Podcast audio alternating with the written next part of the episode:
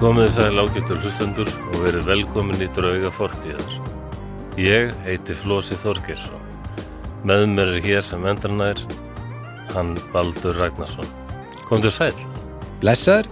Hvað segir þið? Já, þetta er ekki gott sko. Já, bara Það er skamdegi og ég byrjaður að sprauta mig.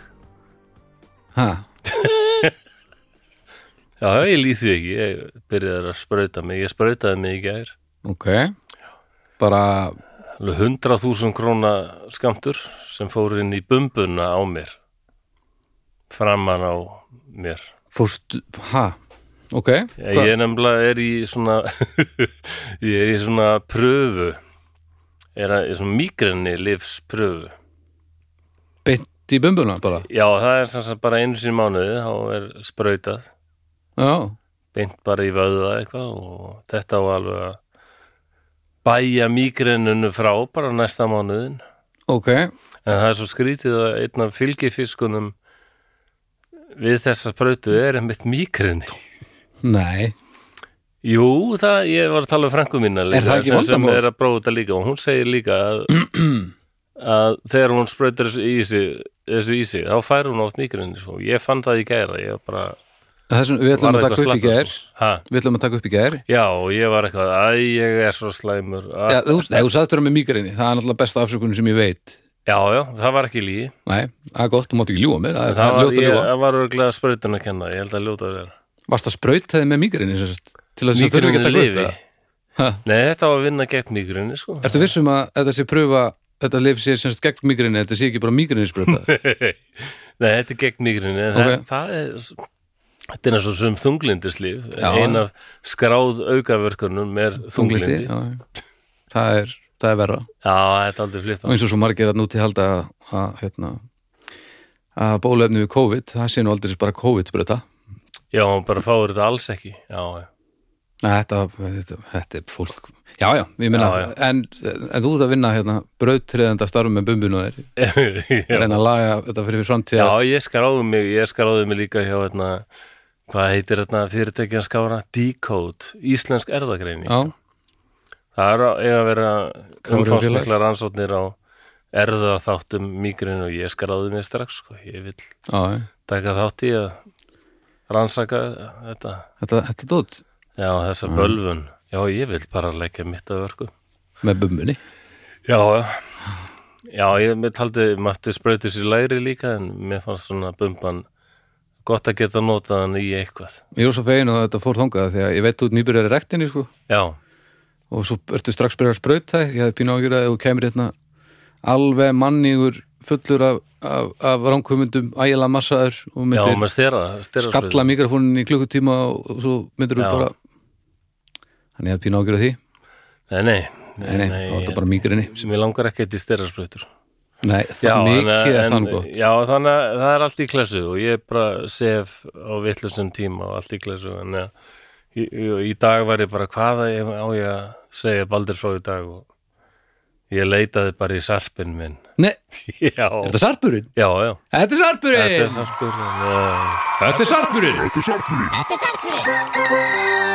þetta er sarpurinn! já, já, það er ekki merkilegt þetta er sarpurinn! Vonandi að fólk hafi eitthvað gaman að þessu. þetta er Já, sarpurinn! ég vonandi þetta er nú eitthvað samtíningur sarpurinn! sarpurinn! þetta er sarpurinn! já Hallómerki Herðu, þetta er rosalegt, það, við höfum aldrei fengið stefið bara áður en við förum í gegnum Nú er það ekki Nei, ég held ekki, sko, en, en ég menna þetta Já, já, ég bara vara fólk við hvað þetta er voðalegt Já, já, ég meina þetta, þetta, en þú varst búin að ákveða þetta í gær, svönd Þú Ha, varst búin að ákveða hvað það var í gær já, já Æja, þá, hef- ég vorkinu ekki neitt Hvernig ætlar að, hérna, heldur þú getur fengið einhverjum svona sprautu við því að hætta að grenja yfir því að, að vera ekki undibúin Nei, ég held ekki, ég held að þetta sé bara bölvun sem fylgir mér til grafar Við skulum allavega ekki taka sensin á því ef aukaverkunin er Æ, æ, að að grenja meira yfir því að vera ekki undibúin Það væri Nei. afslæmt Æja, Þetta en er herðu, líklega við skulum þá ástæðan. allavega hérna, henda okkur í talum, talum um hlutina Það er hlugkirkja náttúrulega Já, um, er eitthvað nýtt að frétta?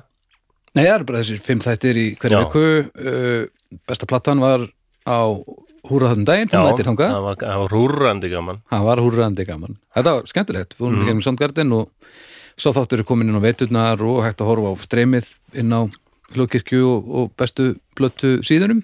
já, Það var ansi, já, skemmtilegt. já, mjög, mjög gaman Og svo bara, uh, mæli ég með því, tekki náttúrulega bara á, á þáttunum sem eru búinir að vera í gangi eins og núna, eins og listamenn, uh, Þeir eru snæpur ennþá að Já, listamenn Já. eru alveg bara á miljón og, og Snæbjörn í Snæbjörn talaði, Já, fólk já. talaði mitt við Örn Eldjörn í síðasta þætti Já, ok, og uh, ég hef nú lagt mig fram við að, að hlusta ekki á þættina að spippa af því að þeir eru svo langir og ég hef svo lítinn tíma hinga Já, til, já, akkurat. en þetta, ég var semst að, að vinna þennan þátt og ég festist svona í köplum inn í samtalinu, af því já, þetta var já, enda einstaklega skemmtilegu maður já og ég þarf að henda minni það að hlusta á það viðtal og þitt, ég var ennþá eftir að hlusta á þitt sko. Það er langt líka Það- Nei, það er, það er lengst.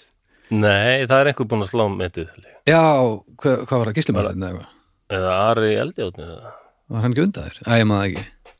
Nei, hann var, æ, ég Ég maður það held ekki. að svo komin einhver sem var játlega lengur í ég. Já, já, þetta, en þetta er ekki kettni, flósi minn. Nei, nei, nei, nei En, nei, já, mér skilst nei. að ég hlusta á þitt samtala því að, hérna, uh, nú þekki ég ágætlega, en, en þú fórst nú svona á, á, á, á lengri dýftina, kannski. Við höfum nú aldrei talað saman um voðalega hluti í fjóra eh, klukkutíma. Sónum minn sagði það var ímislegt þarna sem hann hefði ekki humundum sagði. Já, þetta er einmitt svona, þegar maður, já. Já, já, Þannig ég, ég rúli þessu þegar að döðutíminn gefst. já Já, en margt sem ég á eftir að hlusta á snæbjörnis líka Já, það er nót til þar og, já, já. Hann er ekki búinn að tala við Bjarnar Ben eða? Nei jú, Er hann búinn að tala við Bjarnar Ben? já, já, hann tók hann ákvað það bara þú veist, í byrjun ákvað hann bara að, að hann ætla bara að tala við fólk sem hann langar til að tala við Já, já, og svo náttúrulega þegar kostningarnir eru yfirvandi þá allt í einu er fullt af fólki að gefa færa á sig sem hefur ekki gert það áður einmitt og Snæbjörn bara ákvað að, að taka því bara fagnandi að því að, Já. að því að hann langaði til að tala við hann, hann langaði til að tala við hérna pólitíkusuna, Já, gerði það bara og það var einhverju sem grenjuðu en, en á endanum þá já, æ þá er- hann ræður þessu alveg og þetta var Já. það sem ég, það er stikkpröfu sem ég tók þar þetta var ekkert eitthvað hel pólitíst, þetta var meira svona mannlega spjallið hjá þeim öllum sko. Ekkur þessi grenjuð já, það er Já, alltaf, ég hlust ekki lengur á því að tala við þessa hræka nei, nei, þetta- þetta er þannig sko og já, já, já, það sem er mikilvægt það er mikilvægt að það séu brjálaðir Já, brjálað fólk að núti en er það, ég er honum óað þreytur á þessu tuði maður. já, já, en ég minna ég, Það er verið alveg síðan ég man eftir mér alltaf eitthvað Já, vin, þið vinstri menn og hérna, og hægri menn Já, hvernig já. ég- þetta- já, mér finnst þetta náttúrulega bara fyrst og fremst Aðræningar og mér finnst æ þetta bara svolítið le leiðilegt af því að þetta er svolítið eins og með kvalveðar það er ekki hægt að tala við neitt á eðlum fórsendum Nei, að því þessir elska kvalina það mikið að þeir eru orðnir sko mennskir og bestu vinnur okkar að Já. meðan hinir það er svo lítið mál að drepa kvali að þetta er bara eins og að, að, að dorga þú veist, og, og það Já, er bara veit. engin viðrað hefur einhvern veginn um að stendur bara og minnst það sama með, já, með fólk sem að er svona ólinn í, í pólitík að það er svo erfitt að eiga samtal sem er ekki sem er ekki bara skáldað Nei, ég er með talda, ég er með ákveðan afstöðu samt í kvöluðum ég vil bara hætta þeim alveg já ég líka en það er ekki af því að þetta eru gáðust dýr í heiminn sem Nei. sem segja, skilur, af því að þetta er alveg nautað lið sko. Já, ég hef alltaf fengið tilfinningum það væri bara, já, talda eins og beljur eða eitthvað, beljur eða þesslega Belli eru snillingar og, Já. og mér finnst það, einmitt, en að persónu gera þetta svona mikið, Já, já, en mér, ég vil bara ekki gera þetta því að þetta er bara ekki góð hugmynd, svona nei, mörgu leyti, bara á- ástæðulaus bara og veitna já, Svo og- alltaf og komið sumt ljós náttúrulega bara líka hvað bannað. þeir eru mikilvægir fyrir allt visskerfið já, já, og svo líka engir að kaupa þetta og, Nei, nei, og ægilega vond auglýsing, þetta er ekki góð auglýsing Nei, og kjötið eru allt fullt af Já, við vorum nú þátt um plastið já, já, Það eru allt fullt af plasti og, og hérna einhvernum eiturefnum svona, kvikasilfri og svona Nei, já, og svo erfitt með meiri sér að tala, ofta tala við fólk sem er sammála mér, já, já, af því að ég vil eiga, mér langar að þetta sé byggt á alvöru rökum, en ekki það sem að ekki tilfinningum ekki tilfinningum og ekki sko að magna upp eitthvað sem er ekki að því að og já, eh, sk- skilur hvað ég er að Já, fara já. allavega en það er svona á ég mjög erfitt með að eiga sum samtöl við sumt fólk sem er of mikið ólinn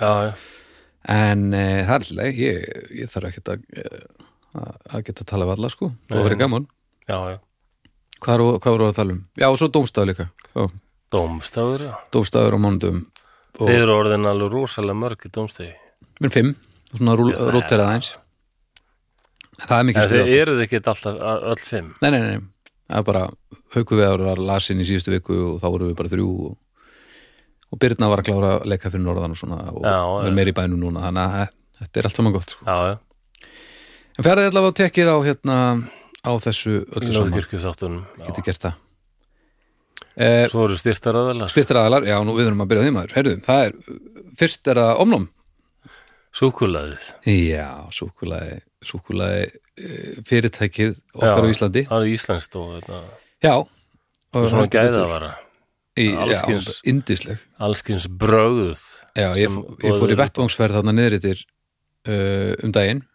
og þar var, það var svo gaman að heyra hann tala um hvað þau eru að gera þarna því að þetta er svo mikið hugsunastarf sko, og, og þau eru bara býð eftir til þess að fá einhvern annan í þetta á Íslandi Já, ok og þú veist, það- þar er mitt hann setti svo vel í orð þar sem að ég er búin að vera að segja hérna þetta að, að fagna, fagna öllu því sem er vel gert í þessum bransa sama hver gerir að Já, já, til þess að styrkja þennan legg menningarinnar þetta var nákvæmlega sama attitút og ég er með gagvart þessu laðarstóti að En tala er- vel um alla, það skiptir ekki máli hvaðan að kemur og Eru súkulaði gæðirnir með þetta viðhorf líka? Ég held þetta Jöp. allt væri bara bullandi kapitalismi og samkeppni og hérna, nei, nefnilega, bara þvert, klekkja og sírius og nóa og Mm. þvert á móti þá fattaðu þau að, að, að því fleiri sem koma í þessa baróttu og, og gera þetta vel því sterkari verður Já, bara menningin í kringum þetta úst, Já, og, og, og, og samkeppni er, úst, helbrið samkeppni er náttúrulega bara frábær já, það er alveg rétt og Mikilvæg, það var, mjög mikilvæg hann- það var mjög gaman að- að sjá að að það voru bara öll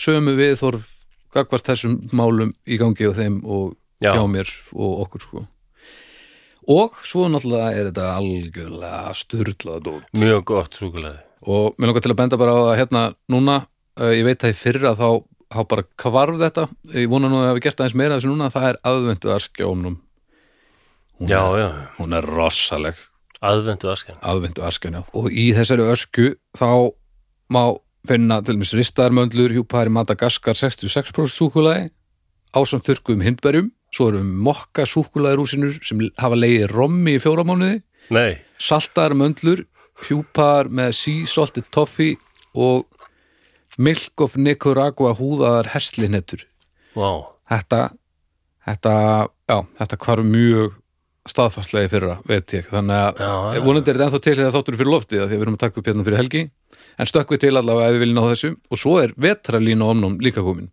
og ég fekk að smakka eina plötuna af þremur sem er sýnist mér í, í hérna uh, þessari línu það var Dark Nips and Raspberry dark Dark Nips plus Raspberry Mibs, Já, það, pítur mig, er einhver stöðar í, í, Þetta er sérst brögðin Það er dark nips plus raspberry milk plus cookies og spiced white plus caramel og serðu, serðu hérna serðu lúkið á þessari ösku já, Þetta þetta er- eru Já, Þetta eru þrjár plötur þetta sem, er svona Mynda saman- falleg vetrarmynd eitthvað. Já, en, en það er, þetta eru þrjár plötur sem satt í öskunni sko. Já, já, Þetta er ekki eðlilega flott Ég, þetta, já, það er það er metnaður í þessu Já, g- bara grafíkuvæs þá, þá er þetta, veist mér omnum vera á öru leveli sko Já, Það er, ekki- það er hann er verið að gera góðu hlutina.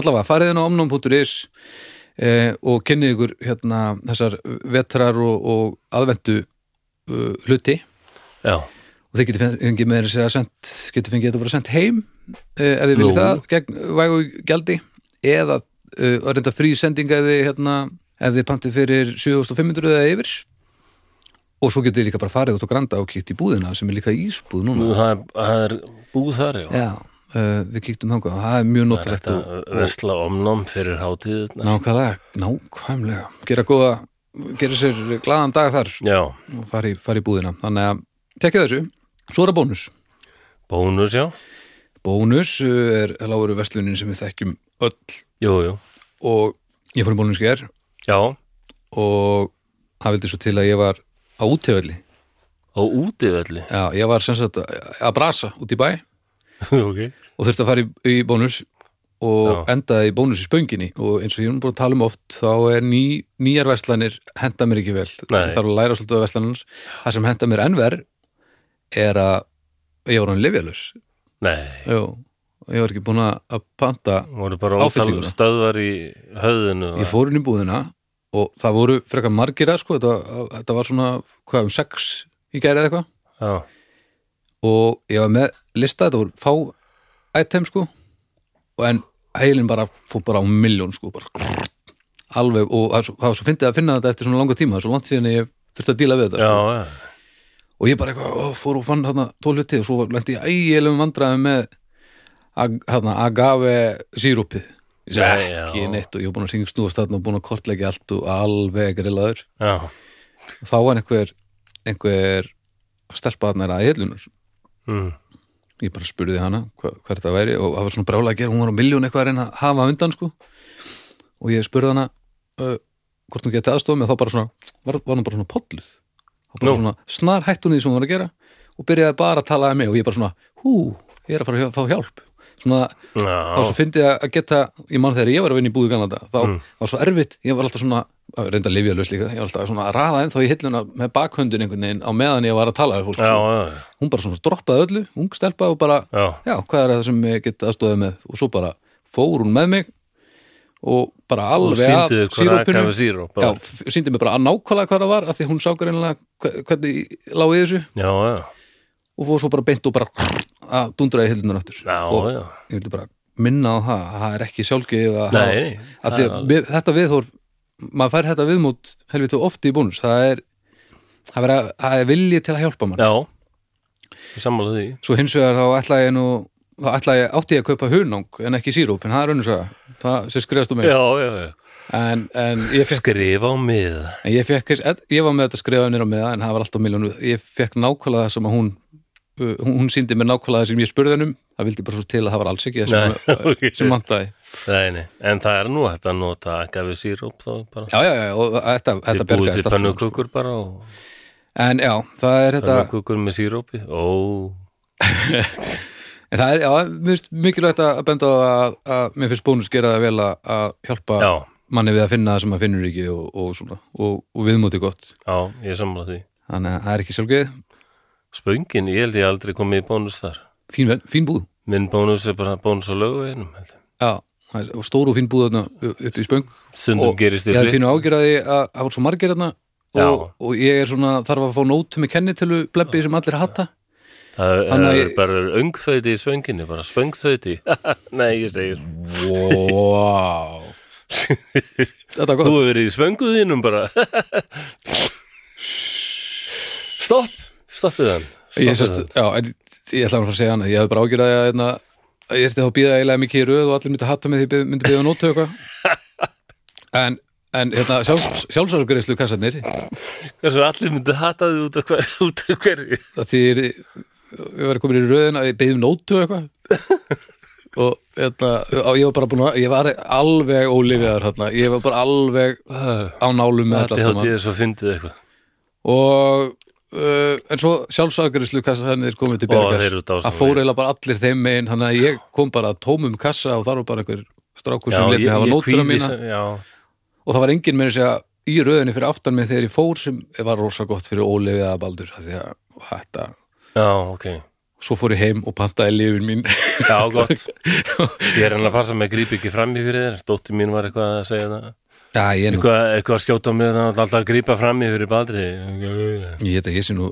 Ah, Já, já, Það þú gerir gerir ekki annað en að gaggrina mann þetta Nei, Þessi afkvæmi var, þetta er alveg þetta er alveg rétt hjá henni, bæði vei og takk fyrir að- að að- að passa upp á þetta Er fyrir þetta mig. rétt? Að Ég, hins vegar held að ég sé verri með þetta heldur en þú Já, Það frýjar þig ekki, en ég held að ég sé verri Satt best að segja já, þetta er alltaf töðan dímanni þessi krakk Alveg, sko Herðu, Það eh, væri dögt ef ekki væri verið mig eh, já, sennilega og svo er þetta bara döðandi já, alveg sko Já, svona. en já, ég Náttúrulega. hérna, Svo er það það ætla ég nú að að segja sjálfsögðu uh, uh, Borg Brukkurs já, sem bríó. er enn en þá með okkur alveg, Já, vinnum minn búin að vera lengi og, og það eru tíðindir núna mér. það er greinilega núna á þessum ástíma er bara Já, nú er eru þeir al, alveg í svartasta myrkrinu að brugga Já, og með já, eitthvað nýtt og skemmtilegt já, nú er nefnilega komin nýr jólabjór, ég ætla að ná í hann í ískopin Já, og hann sé orðin kaldur ég sá eitthvað rauðar dósir hann þá er hann farin fram enn og aftur situr maður hér alveg Nei, nei, þetta kemur hann hlaupandi, já, já. Faldar reykir. Jöp. Það er nú, uh, hvaða brjálað er þetta? Þetta er hind, Flósi, hindber og, og súr lakrís.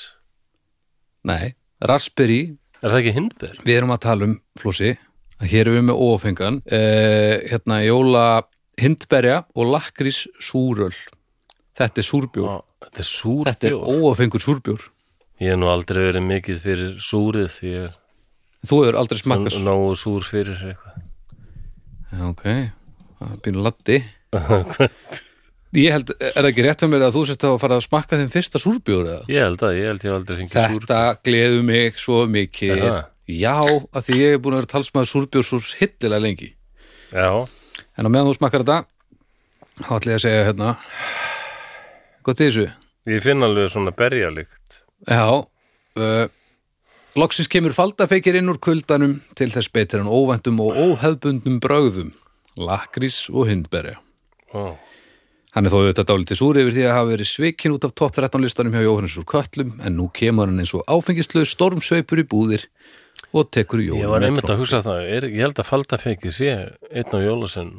Já, hann, Er það ekki? jú, hann, var, hann var samt settir úr bekk, bekkin sko. Það var settur á bekkinn. Sko. og ég, Þeir eru Það var- eh, náttúrulega margir tugir, sko. Já, ég veit það sko og og þeir eru svona það eru til rosa margir held ég bara á milli, húst, út frá bara landslutum sko, þeir voru náttúrulega bara mismunandi þarna Já, bara, bara í borga fyrir estri, þar var bara eitthvað tussusnúður og, og, og úfur og þeir allir á meðan fyrir vestan voru við bara með já, já. grindverk og, og eitthvað, Mitt uppáhald náttúrulega. Hvað? Bjálfansbarnið. djálfansbarnið já, nákvæmlega eh, og býtunum, hvað var það Já, Já, og ég hef séð einhvers staðar á netinu uh, að síðasta skiptingin fyrir þess að topp 13 sveina, sko, já. þá hef hérna, faldafekir verið látið fjúka fyrir hurðaskelli. Já, já, einmitt. Hann, honum hafði hann verið settur á bekkinn og, og, og Já. hurðaskellir í byrjunarleiði, sko. já, já, ég kannast við þetta faldafeikir. Já, faldafekir, hann er náttúrulega döplast í pilsunum hjá, Já, nákvæm, Hún, þetta, hann- þetta, hann- þetta er dóna hann er algjör sóðasveit sem er ástæðan fyrir að hann var held ég bara, bara hún var lagt, sko. sóðasveit þannig að það sem var ágætt af því að þa- þá bara Já. var hann bara tekinn úr, úr menginu snemma Hurðaskelli var minn uppáhalds jólasveit þegar ég trúði á þessa líi að ég ætla að fullir að það hafi verið að því þú þekktir hann ekki af því að hann er mest óþólandi Hann er lítur náttúrulega að vera mest óþálandi Já. Mér finnst það bara eitthvað hressilegur svona.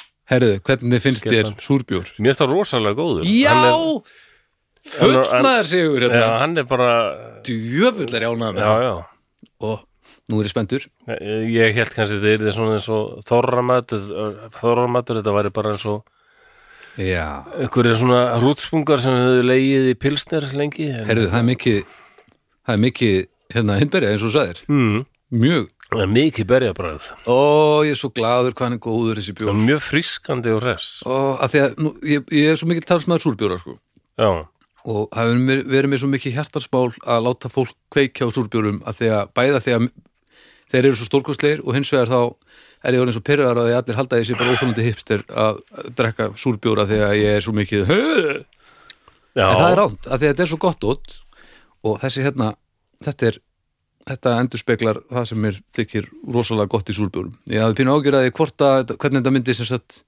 þýðast yfir á óafengu hliðina, af því að ég, ég náttúrulega veit ekkert Nei, hvernig það mér finnst hann mjög hressandi og góður Já, þessi. þetta, þetta er nefnilega alveg súrbjór sko. þetta, og þetta er bara mjög góður súrbjór sem þýðir að loksins geti, geti ég safnað liði úr, úr öðrum flokkum sko. Já, já, Djúvillig gott að vera að koma með þig í súrlið það. já, já, ok Ó, þetta, þetta er mér svo mikið hitt hamál sko. Já, Mm. svo er ég nú dregin í annað lið nýlega þegar hérna hann Sveinbjörn Grímsson sem er nú hérna bróðirinnar Agnesar sem er með þér í dómstí Já, hann bauði mér í heimsóknu bara til að kenna mér að horfa á amerískan fótbolta já, hvernig ekki það? Já, það verður sem ég grunaði. Ég var búin að reyna að horfa á þetta eitthvað einn og ég skildi ekki neitt í neinu. Þetta er nefnilega alveg aldrei flóknar reglur, sko. Já, það er fullt að reglum En mér fannst aldrei gaman að þessu. og, Hérna, já, sko. Þetta er skemmtilegt, var- sko.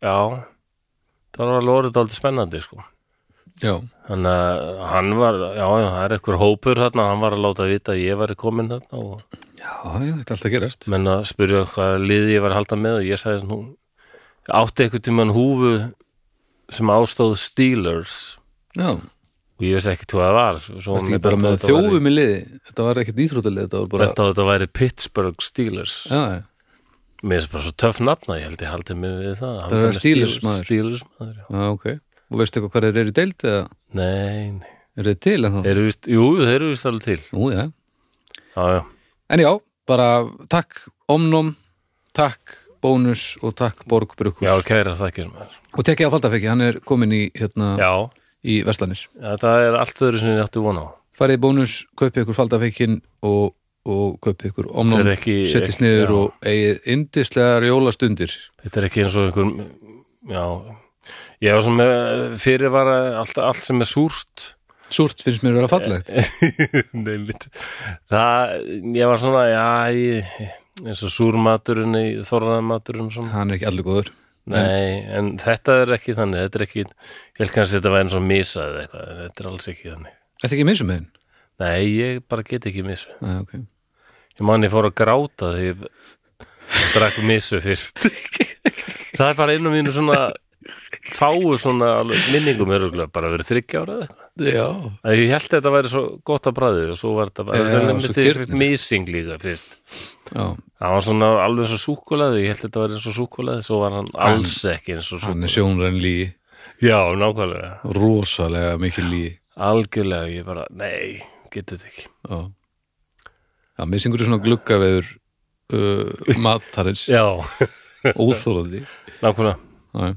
herru, en já uh, nú skulum við byrja þetta Já, það ekki. Jú, ég held það Já, það hefur komið fram að þetta er sarpurinn, en ég er ánaðar að taka þetta fyrir. mm Já, þetta er maður sem hefur lengi langað að Já, svona færið aftur til vex og virðingar einhvern veginn. ok, Já, já, svo er heilmikið svona saga í þessu Já, einhvern veginn okkur bara í þetta og setja okkur í settlingar ágættu hlustendur jú Því núna er þá komið að því ágættu hlustendur að við ætlum að særa fram drauga fortíðar Fortíðar, fortíðar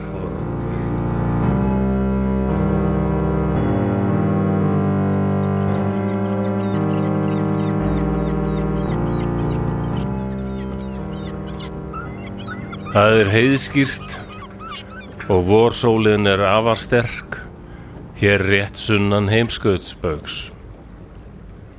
Það er nokkuð sterkur norðanvindur en við liggjum í vari nála þeim sérstaka kletti sem mun vera síðsti punktur Íslands. Lestin er nánast full en ég vildi prófa eitt kast í viðbót. Og það er nokkuð sama hvar maður kastar við þetta annars ömurlega land. Sjórin er allstaðar fullur af fiski. Þessir mólbúar sem byggja þessa gróðurlausu eldfjalla eigu eru líklega bara of heimskir til að átta sig á hverslags auðæfi eru í hafinu þeirra. Maður sér aldrei íslenska tógara. Ég efast reyndur um að þeir séu til. Af og til rekunstu við á okkur að fúna árabáta að veiðum og um borð eru einhverjir aular sem notast við veiði aðferðir sem voru líklega mjög nýmóðins þegar Róm réði yfir Bretlandi. Við skemmtum okkur stundum við að sigla hratt að þeim og beigja frá á seinustu stundu. Maður hlæðir sér máttlösa að sjá þessi Karl Grey ríhalda sér í hvað sem hægt er að halda sér í til að falla ekki út fyrir. Líklega kann enginn þeirra að synda. Ég hef hreinlega aldrei séð fólk sem er jafn afturreka í öllu hvað varðar framfarir eða nútímalegar aðferðir. Stundum höfum við þurft að fara í land og maður verður alveg gáttaður að sjá þetta fólk. Drullu skítugt og tötrum klætt. Sumar konurnar gætu eflaust þótt fallegar ef þær væru ekki klættar í bjánalegar dölur og með skýta taumana lekandi niður andlitið. Þetta er bjánalegt og ógeðslegt fólk. Fyrir nokkrum dögum vorum við orðnir þreyttir á að geta fisk í öll mál. Við komum auð á nokkra feita sauði og fórum í land og skutum þá nokkra. Er við vorum að setja fengin í bátinn, kom einhver bóndadurgur valhoppandi og æfti og bullaði eitthvað á þessu óskiljanlega hrognamáli sem talaðir hér á eigunni. Líklega var hann að væla eitthvað út af kjötinu. Við virtum hann ekki viðlits, en er hann reynd að taka kjötið frá okkur þá kerði ég byssuskeftið í hausin á honum og hann hrökklaði spurt. Engin er vopnaður hér. Einfalt væri að leggja undir sig þessa eigu með örfáum hermönnum, en ástæða þess að það hefur enn ekki verið gert er auðvitað að enginn hefur áhuga á þessu volaða landi. Eyjan tilheyrir dönum og vissulega eru einhver lög sem banna okkur að veiða svona nálat landi en enginn framfylgir þeim. Danir eru líka smáþjóð sem á engan alvöru flota og auk þess myndu þeir líklega ekki þóra stugga við okkur englendingum, valdamestu þjóð veraldar. Við erum að klára að draga, er eitt skipverja kallar. Segir að skip nálgist hratt úr austri. Sólin er svo sterk að ég sé ekki neitt í fyrstu, en svo sé ég skipið. Þetta er ekki neitt tógari. Ég öskra á menn mína að flýta sér að draga um borð. Við þurfum að koma okkur hérðan strax. Skipið er komið mjög nálægt er við setjum á fulla ferð. Þetta er stórt danst herskip. Þeir mega alls ekki ná okkur innan landhelginar. Danin gefur okkur merkjum að nema staðar en því hlýðum við ekki. Skyndilega byrtist skær blossi á dekki herskipsins. Hann er að skjóta á okkur. Kúlan lendir rétt fyrir fram á tógaran. Hann skýtur aftur tveimur skotum sem enda á sama stað. Ég stoppa ekki og slæ ekkert af. Danin gefur sig ekki og skyndilega glímur í öllum bátnum og hann hristist harkalega. Þeir hafa skotið kúlu í byrningin. Ég vill ekki gefa mig en skyndilega er gripið í mig og ég dreygin frá stýrinu. Skipverjar mínir eru komnur upp í brú og krefjast þess að við gefumst upp. Danirnir stökkva um borð. Þeir eru allir vopnaðir, byssum og sverðum. Eitt þeirra er eldri maður en kraftalega vaksinn. Enkennisbúningurinn hreittn og fýtt, yfirskeggið vel snýrt og hann er hermanlegur í allri framgöngu. Þetta er án efa skipherran. Hann gengur að mér og horfir á mig. Augun eru köld og fyrirlitningar viprur leika um munn hans. Hann tilkynni mér að ég sé handtekinn fyrir landhelgisbrot. Muni verða færður fyrir dómara og allur afli gerður upptækur. Ég er brjálaður af reyði og spyr hann hvort hann átti sig ekki á því að við séum þegnar hans hátegnar Georgs konungs fymta og hann skuli hafa verra af að skipta sér á okkar málum. Við erum englendingar, öskra ég á þennan hroka fulla dana. Hann snýr sér hægt við, horfir á mig og glottir. Ég veit, svarar hann. Einmitt þess vegna er ég í svona góðu skapi.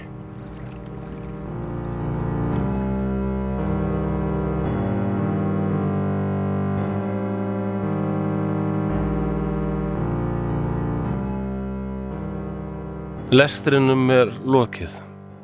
Já, Já. Já, það hefur nú komið fram svona þjóðerni og já. en ekkert hvaða ár þetta er. er- Nei, ég veit ekkert hvernig þetta er og ég þekkit ekki sko Nei, hennan hitting nei, það er Uh. Byssur og sverð Það er svona byssur og sverð.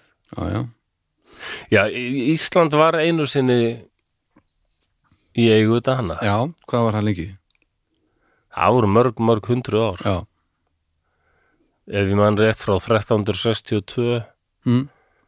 til, nei, nú er ég kannski rugla. Nei, ja, pittu nú við. Jú, eða ekki, 1362 til eh, 1944. 44 já. Já.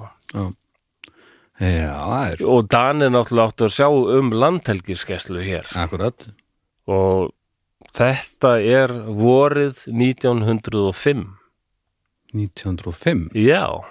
já Ok, og þessi þáttur fjallar aðalega um einn mann og það er þessi danski skipherra mm. sem ég hef miklar mætur á og mér finnst að Íslendingar ættu ekki að gleyma honum ok því hann var algjör þjóðhetja hér á þessum, sérstaklega þetta ár Ok. 1905 hann gerði og, já, já, þessi maður hættir Karl Georg Schack sjakk já, Schack Ok, það S-C-H-A-C-K er nú ekki sérstaklega danst ha, Það er nú ekki ja, sérstaklega danst svona þýskur Já, En það kom í ljós að hann, hann var aldrei hrifun af þjóðurum. já, já, já. Hann sagði það að hérna, að það var alveg einkennandi sko að hann var að taka líka þýska tóra Mm. en sagði að þjóðurinnir hegða sér svo vel. já, já, Skip, já. að kaftinandir kom alltaf í sínum fínasta pussi og eru bara heiðvirðir og heiðarlegir og viðurkenna sín brot ef einhver eru og, Mm og þeir eru langbestir, þeir bera af þjóðurinnir. sagði hann. sko. Sem fangar, Já, já, bara sem, já, já. bestu fangar En þeir verstu, sagði hann. mm. Það er engin spurning, engum blöðum um það að fletta. Nei, Hann hafði engar mætur og englendingu. nei, nei, nei, nei. Slúbertar og hérna, ski- kafteitnin enski, hann er, þetta er alltaf hrókagikkir. Það var alltaf, England var svo mikið veldi en það þarna. Og örgulega hafa englendingur verið fullar hróka, ég get bara alveg trúa því. Já Við ráðum hérna, Britannia rules the waves. Já, er það ekki svolítið þegar maður er þegar maður ræður mestu þá Jú. verður maður úþólandi það er líka það sem ég ætla að koma að þessum þætti að þetta er á tíma sko og ég ætla að lesa hérna á eftir bara nokkuð sem Karl Georg Schack skrifaði um þetta Já, ok þegar hann skrifaði tveimur árum setna í 1907 í, í tímaritið Gæðs Danske Magasín Já, ok uh, grein sem heitir uh, Íslands fiskeri og trólajækt sem Þetta er sagt að- Íslands veiðar Já, og tógara eltingaleikur úr tógara já Það ætlar að lesta á dönsku eða Nei, ég veistu, ég, þý- ég þýtti þetta á íslensku. Gott fyrir mig Já, ég þýtti þetta á íslensku. Þú getur En eh, ertu með þetta líka á dönsku eða? En það er eitthvað stæri tölvunni, já. Ok, við getum kannski fengið smá smakka af því hva- af því að þegar við heyrum þetta í íslensku þá er þetta örgulegt að vera eiginlega svalt en þegar þetta kemur á dönsku þá getur þetta orðið pínu Já. öðruvísi Við tökum kannski stikkpröfu eftir Já, ég þarf að finna að það er hérna eitthvað stæri á, hvað heitir þetta hérna? Harðardisnum Nei, hérna hitt hérna One eitthvað. One Direction. Nei, hérna, Það er hana nei, hérna, það sem að kemur öll skjölin, hérna eitthvað. One, one Drive. OneDrive Það er eitthvað, eitthvað frá Microsoft eitthvað. Já, ok, ég ég, ég makka kalla hana, ég er týndur sko Og Þarna var Sjakk, hann var sem sagt sjóliðsfóringi í danska hernum, sko, Já, danska sjóhernum. ok, Og hann var þarna á mögnuðu skipi sem hétt Hekla. hekla Já, Já, þetta var beitiskipið Hekla sem var þarna já. og Sjakk hann var fættur 1855 hann, hann var 50 þarna Okay. og lést árið 1930 Já, ok, gott raun en til að byrja núna kemur upplestur nú er vitnað í íslenskan mann Ok, ö, smá lestur þar sem hann er að skrifa daldið sem lýsist daldið sko a- aðstæðum Íslendinga já, ok og hvað mörgum Íslendingum fannst að við yrðum að fara að breyta um uh, atvinnu veg já, Fær okkur af landi og, og Já. út á sjó Já, Já, þegar Íslendingar vissu þetta líka náttúrulega að hafið væri bara algjör gullkista sko. það voru sumir sem voru að reyna að benda á þetta, var ekki? Já, já, og þar á meðal maður sem ég ætla að lesa þinn upp texta eftir hann hétt Einar Benediktsson Já, og hann kannski heyrt þetta já, já, já, já. skáld og reythöfundur og merkur maður Og stitta í dag og stýta já sem enginn ennur horfa á Mm. En ég ákvaða hann að segja sér Duttur bæjari sem... Já, hann, þarna, hann gaf út uh, tímari sem hitt Dagskrá Já, já, eh, og hann skrifar þetta í lok 19. aldar, ekkert tímann á milli 1895 til 1900 ok hefst nú lesturinn Einar Benediktsson Vér stöndum hér uppi blá fátækir afskektir og óþektir fyrir utan öll gæði heimsmenningarinnar og horfum á erlenda fiskara draga frá okkur marga tugi miljóna á ári og svo ef einhver leifir sér að benda á veg til þess að leiða þennan gullströym að nokkru eða jafnvel miklu leiti inn í vasa landsmanna, þá er hann í sömu svipan, búinn að fá heila hjörð af urrandi rökkum á hælana, sem ekkert hugsa um,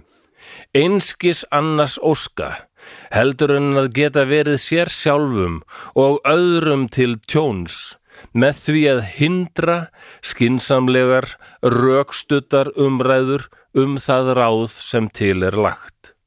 Þetta er menningin okkar Íslendinga. Hér er ekki til mikið aflögu fjö til góðra þjóðlegra fyrirtækja. En við höfum ávalt allsnættir af illgjörnum andróðri gegn öllu sem miðar í nýja stefnu til að víkja af alfaravegi vanabundinar sofandi hugsunar. Þetta er einar. ha, Svona töðamaður ha, Já, finnst þið það ekki? Ah. Þetta, já, bara, Eh, já, hafna Og hann er bara að skjóta á landsmenn sín. Já, samborgara sína Já. eða sam, Um leið sam og maður bara torfara sína. bendir á bara strákar, við ættum að skipta um fara að gera eitthvað meira þá bara og þetta er að mörguleiti finnst mér daldið há íslendingum en þá Sko, ég- ég ég- ég- ég- ég- Sjó, ég er hérna með Já, rollur já, þetta hefur alltaf verið gert svona Ég bara. er hérna með rollur sem þarf að Já, nákvæmlega sem þarf að ekki kemba Já, Já, og hérna Sjakk sjálfur, hann kvartaði líka yfir því að þótt að væru lög já, þá væri eitt að setja þau og annað að framfylgja þeim og, og það var alveg vandamál að hann var að taka tógara svona og fara með hann fór oft með þá til Vestmanni þar var, hann verðist að verið aldrei ánæður með að þar var alltaf einhver síslumæður sem kunni eitthvað fyrir sér sem gætt eitthvað já en hann lýsiðist reyndar líka að hann hefur stundum farið í einhverja bæi mm, og einum, einum bænum til dæmis þá var, þá var síslumæðurinn í Reykjavík mm. og sá sem var að sinna embættistörum fyrir hann var einhver stráklingur sem var eh, hafði verið settur í þetta embætti greinlega að vera varasýslumæður út af því hann var búinn með eitt ári í guðfræði Já, Já, og þetta segir sjaka, þetta er ekki hægt sko, að það verða að vera hérna, stressandi dagur hjá Já. þessum stráki það þarf að færa fólk fyrir dómar og framfylgja lögum og svo er bara engin dómari eða Nei, einhver maður sem þekkir til lagana og nei, nei, nei, nei, nei. nákvæmlega Þannig að þetta var svona daldið í ólestri og þetta eru daldið spennandi tímar í sögu Íslands. Það er þarna fleiri og fleiri sem er að segja, ok, nú er nóg komið sko. Við þurfum að færa, fara inn í framtíðina. Djöfull hefur Já, verið byrjandi nútíðin. að vera einn ein af þessum röddum Já, ég, ég fíla þetta sem einar er að segja þarna sko. Já, pyrraður, Já, mjög pyrraður mættum maður sem að hugsa eitthvað svona, hún var andgreinlega um hag sinna þjóðar og vill að við hérna að síðu okkur að framfarir. Já, akkurat En voru En danir, þetta, voru danir illgerð- ekkert að, að veiða hjá okkur? Það var eh, ekki mikið um það. Nei, nei, Nei. ok að þeir áttu sem sagt að náttúrulega sinna landhelgiseslu Já, og gerðu það en Íslendingum fannst þeir oft vera voðalega línir já, já, já Ok, og það gæti líka og Karl Sjakk er lesað eftir sem hann skrifaði Mm. hann segir það er alveg ástæð fyrir því já, ok það er að Danir eru skítrættir við að stugga við stóru þjóðum Já, já, já. þeir eru smá þjóð eins og já, og hann segir það bara um algjör smáþjóð sko. já, já við skiljið þeir voru kannski stór þjóð í okkar augum Íslendinga en, en en í stóru samenginu Já, og svo var líka náttúrulega við völ, ölumst upp í svo vernduð umhverfi já, í raun sem Íslendingar hérna, eftir setni heimstyrjöld að bara eins og sérsta hérna, í þorskastriðunum eftir setni heimstyrjöld mm, til dæmis fyrst- fyrst var það 58 til 61 mm um, þá bara Íslendingar hérna, færðu sjómílunar sko, fiskveið lösuguna út í 50 mílur -hmm. og svona flestir sættu sig við það en ekki englendingar Nei, en þeir voru búin að koma einnig mörgundur ára að veiða og englendingar dóldi vanafastir og svona já, já, halda mikið hefðir og bara og líka ennþá fastir í einhvern heimsveldis pælingum já, já, sko. akkurat og nýbúin að vinna þjóðveri og svona og, já, já, já, það er, já, já, en það þeir voru hann ekki meðvitund- alveg að sætta sig við þetta en nú, þarna voru bara allt í einu Íslendingar bara vissu það að það voru komin svona hamréttar lög og já, já, við vorum bara að læra grunn og NATO og saminuðu þjóðirnar og Já. allt þetta já, já.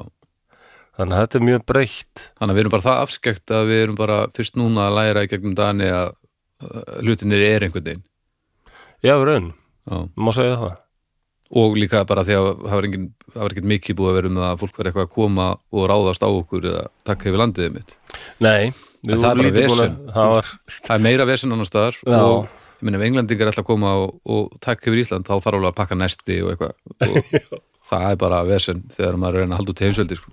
Það var náttúrufræðingur sem heit Jósef Banks sem að dálítið að þvælast inn á 8. öld, nei, 18. öld já, og eitthvað fram á 19. Mhm. Mm. Hann, hún þótti mjög vænt um Ísland og komið oft og var bara, já, náttúrufræðingur skoða, hann rannsaka hverina og skoða ykkur, nice. ykkur mosa og svona, sko. já, já, Og hann læði eins og til bara við englendinga, hann var leika svona vel þekktur í, á Englandi, mm, þess að bara við ættum sérstaklega er englendingar og danir áttu í stríði hérna, þegar Eng- danir ákvað voru ennþá að reyna að verka stórveldi og styðja Napoleon og svona já.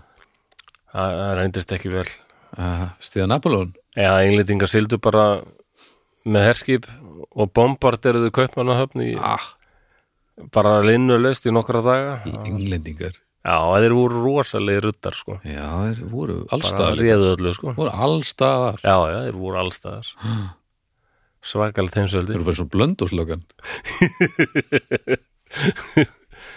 Já, ég, mér er alltaf þú borgan, ég er hrættastur við borganeslökuna. Þar hef ég verið tekin oftast. Já, ég er bara, já, ég var eitthvað pyrraði við blöndoslöguna þarna framan af, svo fattaði ég bara, heyrðu, passa, ég, ég brúti ekki lögin, en þetta er kannski ekki allt í lagi, sko.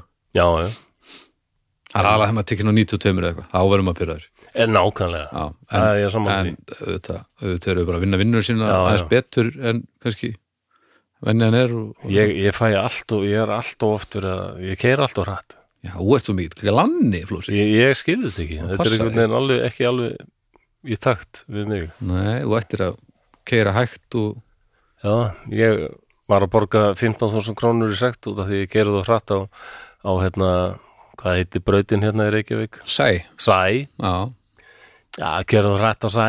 já, það var ekki gott. Nei, ég var vist á 85 það sem má bara vera á 60 Já, það er bannað. fór maður- yfir maður á að passa sig auðvitað en auðvitað verður maður maður hefur aðeins svona, gaman að keira sko Já, já, svo var ég já, svo ég, sýsti mín býr hérna hinnum með við Agrafjallið Mm. svo ég keira til hennar, þá er ég alltaf eiginlega bara orðin brjálaður Þannig brjálæður Já, ég menna fyrst er hérna þessar, þessi hryllilegu hérna ringtork hérna í Mosfellsbænum hryllilegu hringtorg alveg bara endalus ringtork því að gefa þeim kannski aðeins svo mikið vægi eða eru ekki alveg hryllileg Já, ég, mér finnst þetta rosa pyrrandi ég held að þetta væri verra ef að þau væri ekki Já, ég, ég man reyndar eftir því ég var yngri að það var alltaf einhver svona hræðileg slýs þarna á þessum vesturlandsvegi og það er, já, bara, maður heyri minnum það núna svo bara væri bara röð frá hlemmi í göngin þú veist, Já, heldur á, það, á slemmum tímum held ég já, getur verið Já, já, einhvern tíma var ég að fara með túrista í norðurljósaferð og þá saði bílstjórinn hérna mér strókar leiðilegt að vera í norðurljósaferði sko. og bílstjórinn saði já, þú getur nú sagt þeim, við vorum að kera hérna í Mósarsbæði og sagði, þú getur sagt þeim hérna brandara Já, sagt þeim hvað við kollum hérna bæðastjórinn í Mósalsveit já, Nú, hvað er hann kallaður? Já, Lord of the Rings Hei, æ, góður þessi Já, finnst þið Já, það? já. Jú, jú Taldið svona, jú, jú Lord of the Rings þetta er vel Lord of the Rings Já, já. já, þetta, þetta er vel gert Já, svo með að komin burt frá þessari skelvingu sem þessi ringtorg eru þá er maður komin út á kjallanes og þá er náttúrulega einhver eitt sem er að keira þarna á Já, 75 já. það er ekki nokkur vegur að taka fram úr hún Þúsund. það eru mörg hundru bílar að koma inn að leiðina Já, og þúsund metrar á sekundu frá hlið Já, Alltaf. já, alltaf, já þannig að ég, ég þarf að bara, já róa mig niður á því ég kem til sýstum minna svo ég kom ekki st- stormandi inn alveg brjálaður Nei, nei, þetta er, þetta er Nei, það ég er er vandlefað náttúrulega- maður já, já. og svo var ég, ég var seinast þegar ég fór til hennar þá blikkaði eitthvað voðalegt ljós í göngunum, hann að ég held ég eigi nú Nú, vona á nú, nú, nú, varst að kýtla öðru brefi frá að lauruglustjóra kýtla pinnaðan í göngurum já, ég held ég hafi verið alveg milli 80 og 90 það sem má bara vera á Flósi, 70 flósi, flósi Glanni, út glanni já, kannski er ég það Já, voru að, voru að hæja á þér já, það er allavega ekki glændi glæpur það er Já, bara glændi, nei, jú, þetta er náttúrulega glæpur mér finnst þú bara að vera fullblón bófi, sko, já, undir stýri já, er það. Ertu með Já, svona já. grímu, alltaf svarta grímu og, Já, og, já, já. og í svona yfirleitt sko þörundutum galla og og peningapoka í skottinu og aðeins Já. opin gluggan að seglarni svona Já, leka þeir- út um gluggan En bjarnabóðinir, þeir eru með svarta hatt og alltaf einhver svona rauðum ullartreyjum eða eitthvað svo leiðis. heldur þessi öll, ég ég einhvern veginn sé Nei. ekki efnið í Nei, ég veit ekki alveg hvað þetta er. Það er virðist vera svona frekar svona hryssingsleg, hryssingslegt. en efni. þeir eru, þeir eru ekkit góður bóðar heldur úr, þeir eru ekkit, þeir eru ekkit eitthvað En já, skafis, ég fínir sko kom ég þessu til skila sem sagt að, já, á þessum tíma er ekkit, það er ekkit Evrópusamband, það er ekkit NATO, það er engar saminuð þjóðið, það er bara sterkasta þjóðið ræður bara. já þarna fyrir aldamót Já. já. Þetta er allt annað umhverfi. sko. hvenar kikkar Núna Þetta getum er- við bara sama hvaða stórþjóð eh, hún er eitthvað vald yfir okkur við bara segjum bara hefur þetta er bannað já. það var ekkert svo auðvöldið öður fyrr en eins og NATO þetta, hvenar kikkar NATO inn það er við gungum í NATO hann 49 já, en hvenar við erum eina stoppþjóðum NATO já, já, já, já, þannig að hún bara stoppðu þetta rétt eftir sko. já, já. þá svona fóru Vesturlönd bara það var stefnan sem sagt ok, við bara búum til fullt af bandalögum verðum rosalega háð hvort öðru Mhm. og ekki síst í, í sko verslunum viðskiptum já, þannig að við verðum að hjálpa stað þegar eitthvað bjátt á. Já, ég held ég að sagt hérna áður í einhverjum þætti frá kóla og stálbandalæginu kóla og stálbandalæði, góðan dag sem er ennþá til í dag en heitir öðru nafni það kallast... stálbandalæði, Nei, nú stál, það er nú bara nafn á okkur hljómsveitu stálbandalæði, já, já, ég held að Stálbandalægið spila bara rúsneska þjóðlatónlist Já, svona með metal feeling ykkur já, Nei, það í dag heitir það nefnilega Evrópusambandið Va, já, já Þetta já, voru já. bara brettar og fra... Nei, þjóður og frakkar bara voru sammála um það er ok Ég held að við bara erum búin að berjast þarna 1870 til 1871 mm, þjóðverjar gjör sigur að frakka mm, frakkar alveg brjálaðir og, og 1914 verður allt brjálað aftur já, já, og allt í klessu 1918 Mhm. þjóðverjar sigur að þér já, og það er eitt kallatna með skrítið yfirskegg sem var í því stríði sem var já nú, óðalega fútliður þessu og, mjög gjöfult að kalla þetta yfirskegg Vel að bara svona, og ákvaða að prófa aftur sko og það var setni heimstyröldin og Já, eftir það voru eiginlega allir ok, nú er nóg komið að þessu sko já, bara Evrópa var alltaf logandi í ykkur um ófriði já, akkurat og frakkar og þjóðverjar bara ok, við búum til þetta kóla og stálbandala mm þannig að það bara borgi sig ekkit fyrir okkur að fara í stríð góðum mitt já, það, er, það, það, það var meiningin sko, með þessu öllu saman já, já, já, já, og brettar voru helningi af ælum að fá að vera með í þessu sko það breytist já, og það breytið sko já, já, en það var náttúrulega, það var gaur hérna mjög merkilegu gaur, það mætti nú verið um sér þáttum hann hérna, sem heit Charles de Gaulle sem var mm, franskur hefsöðingi og setna fórseti mm hún var mjög illa við bretta hún vildi ekki sjá að þeir fengju að vera með í neinu sambandi Nei, nei. sá það alveg fyrir það er bara helvitis versin en já, það styttist í að þeir fari aftur að grátbyðið um að vera með held ég allir það ekki?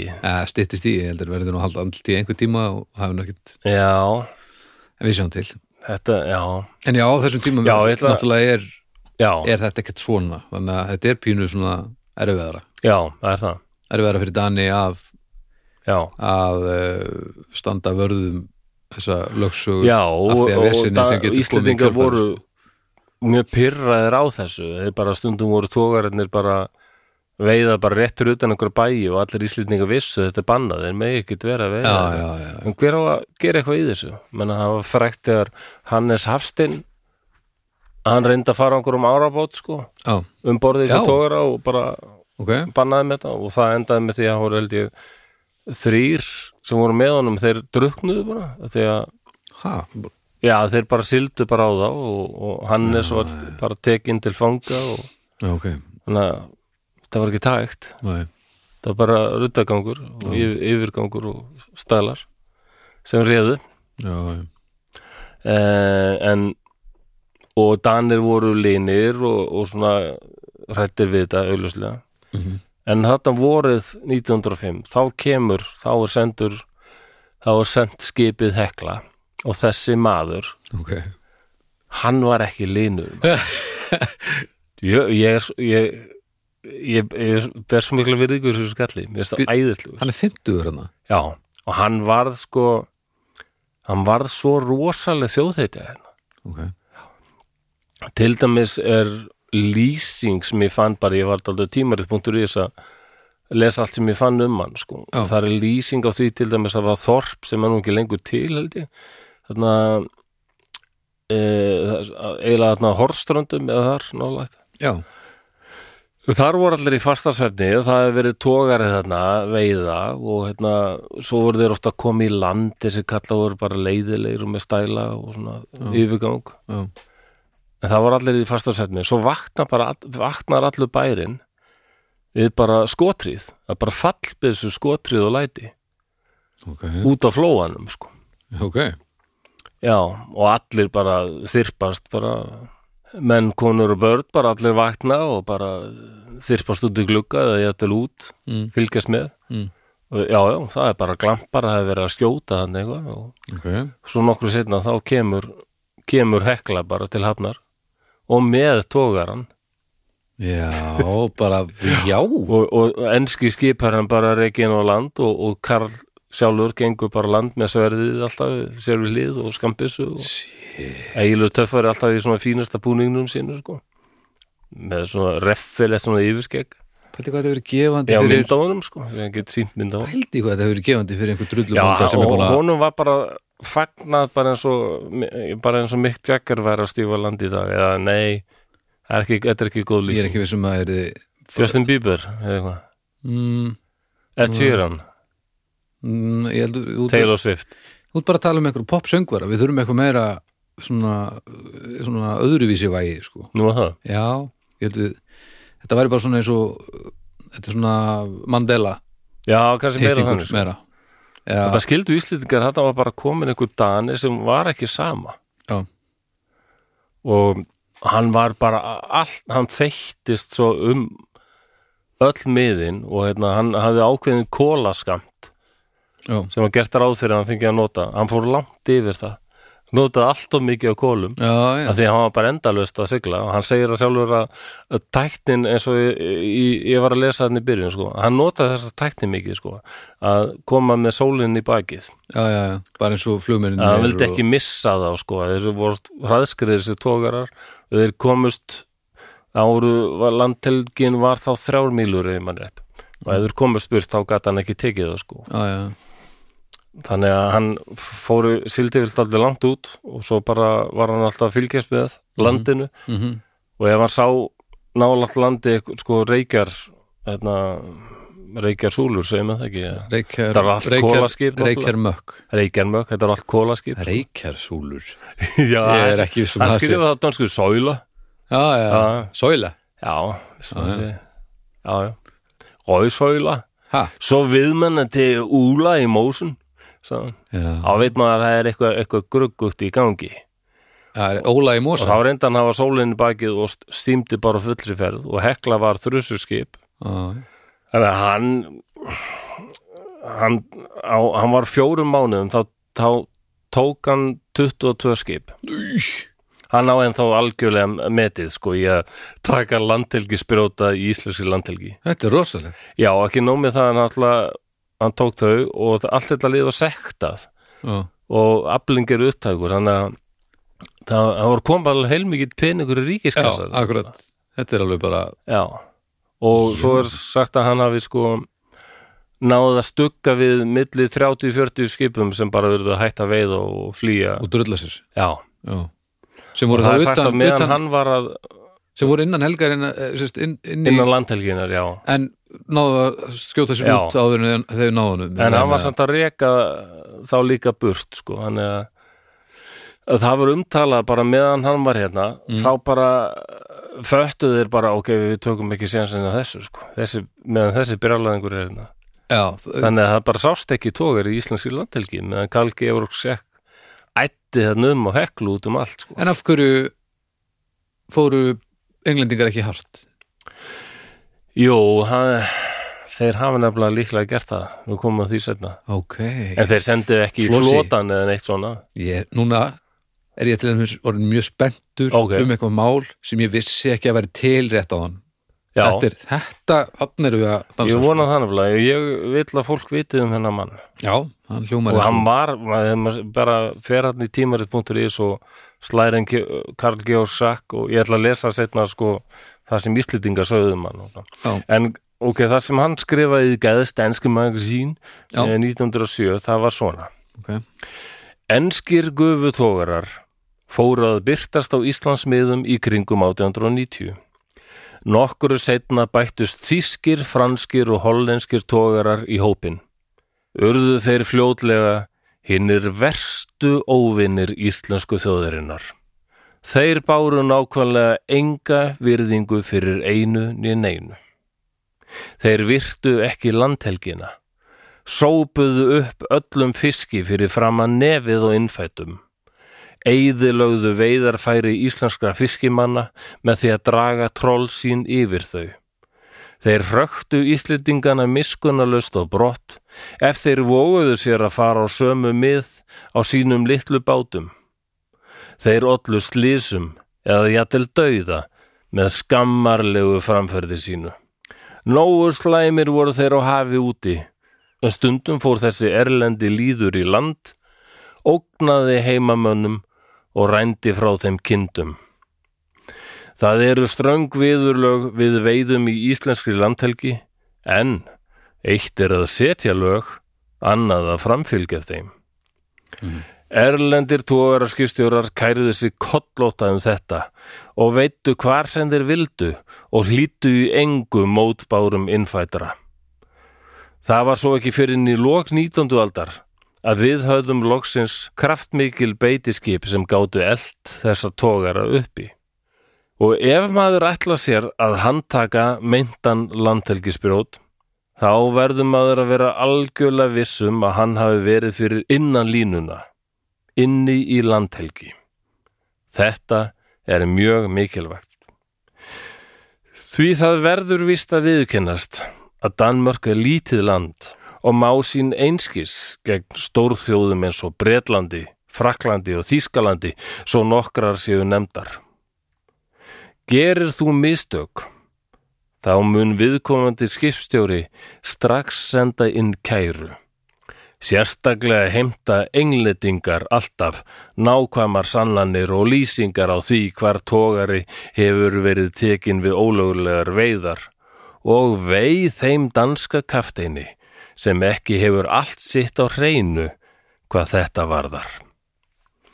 Þetta, svona lísti Karl Georg Schack og- Já, því að gegna landhelgiskeslu við Ísland mhm. árið 1905 og hann er í fjóra mánuði og, og verður þvílík þjóðheitja Mhm. mm -hmm. Íslendingur svo ánæður að vera að fá þennan mann Já, af því að þeim sveið e, e, bara eins og einar að benda á hana mhm. hvað hva kallaði einar þetta aftur hann segir um, já, horfum á erlenda fiskar að draga frá okkur marga tugi miljónu ári Mhm.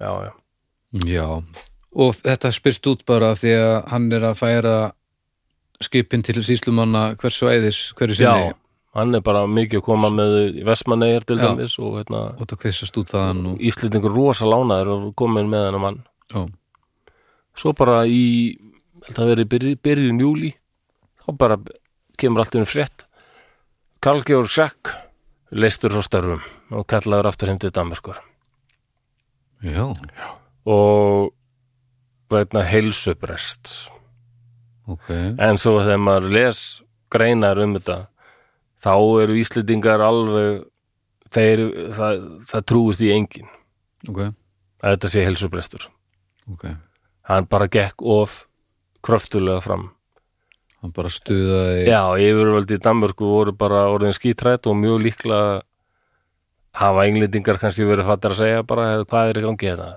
fáum ekki að veiða hérna, það er alltaf brjálað einhver hérna og, mm, og svo var hann farin langt yfir þetta kóla, kólin sem Já, hann átti að já, vera með og já. bara og hann er bara, urðu hrættir og köllu hann tilbaka já, og Íslendingar voru svo óanaður með þetta Mhm. svo reyðir sko mm, og svo fann ég til dæmis frétt frá því í oktober sam ár mm -hmm, þá voru liðnir alveg þrýr, fjóri mánuður mm, frá því hann var kallaði tilbaka og á þessum tíma hafði engin tógari verið tekin fyrir landhelgisbrot en þeir eru allir konir aftur já, já, já, djöfullin já svona var nú þetta svona var nú bara heimurinn og vo- það var aldrei gert ofinbært hvort einlendingar stóðu einhver hótunum kakvar dönum nei, ég fann ekkit um það hvort að það nei, Nei. en það er bara þykir bara mjög líklegt já, en það kom kannski ekki íslendingum beint og óvart nei, en þetta, þeim sveið þetta rosalega já, akkurat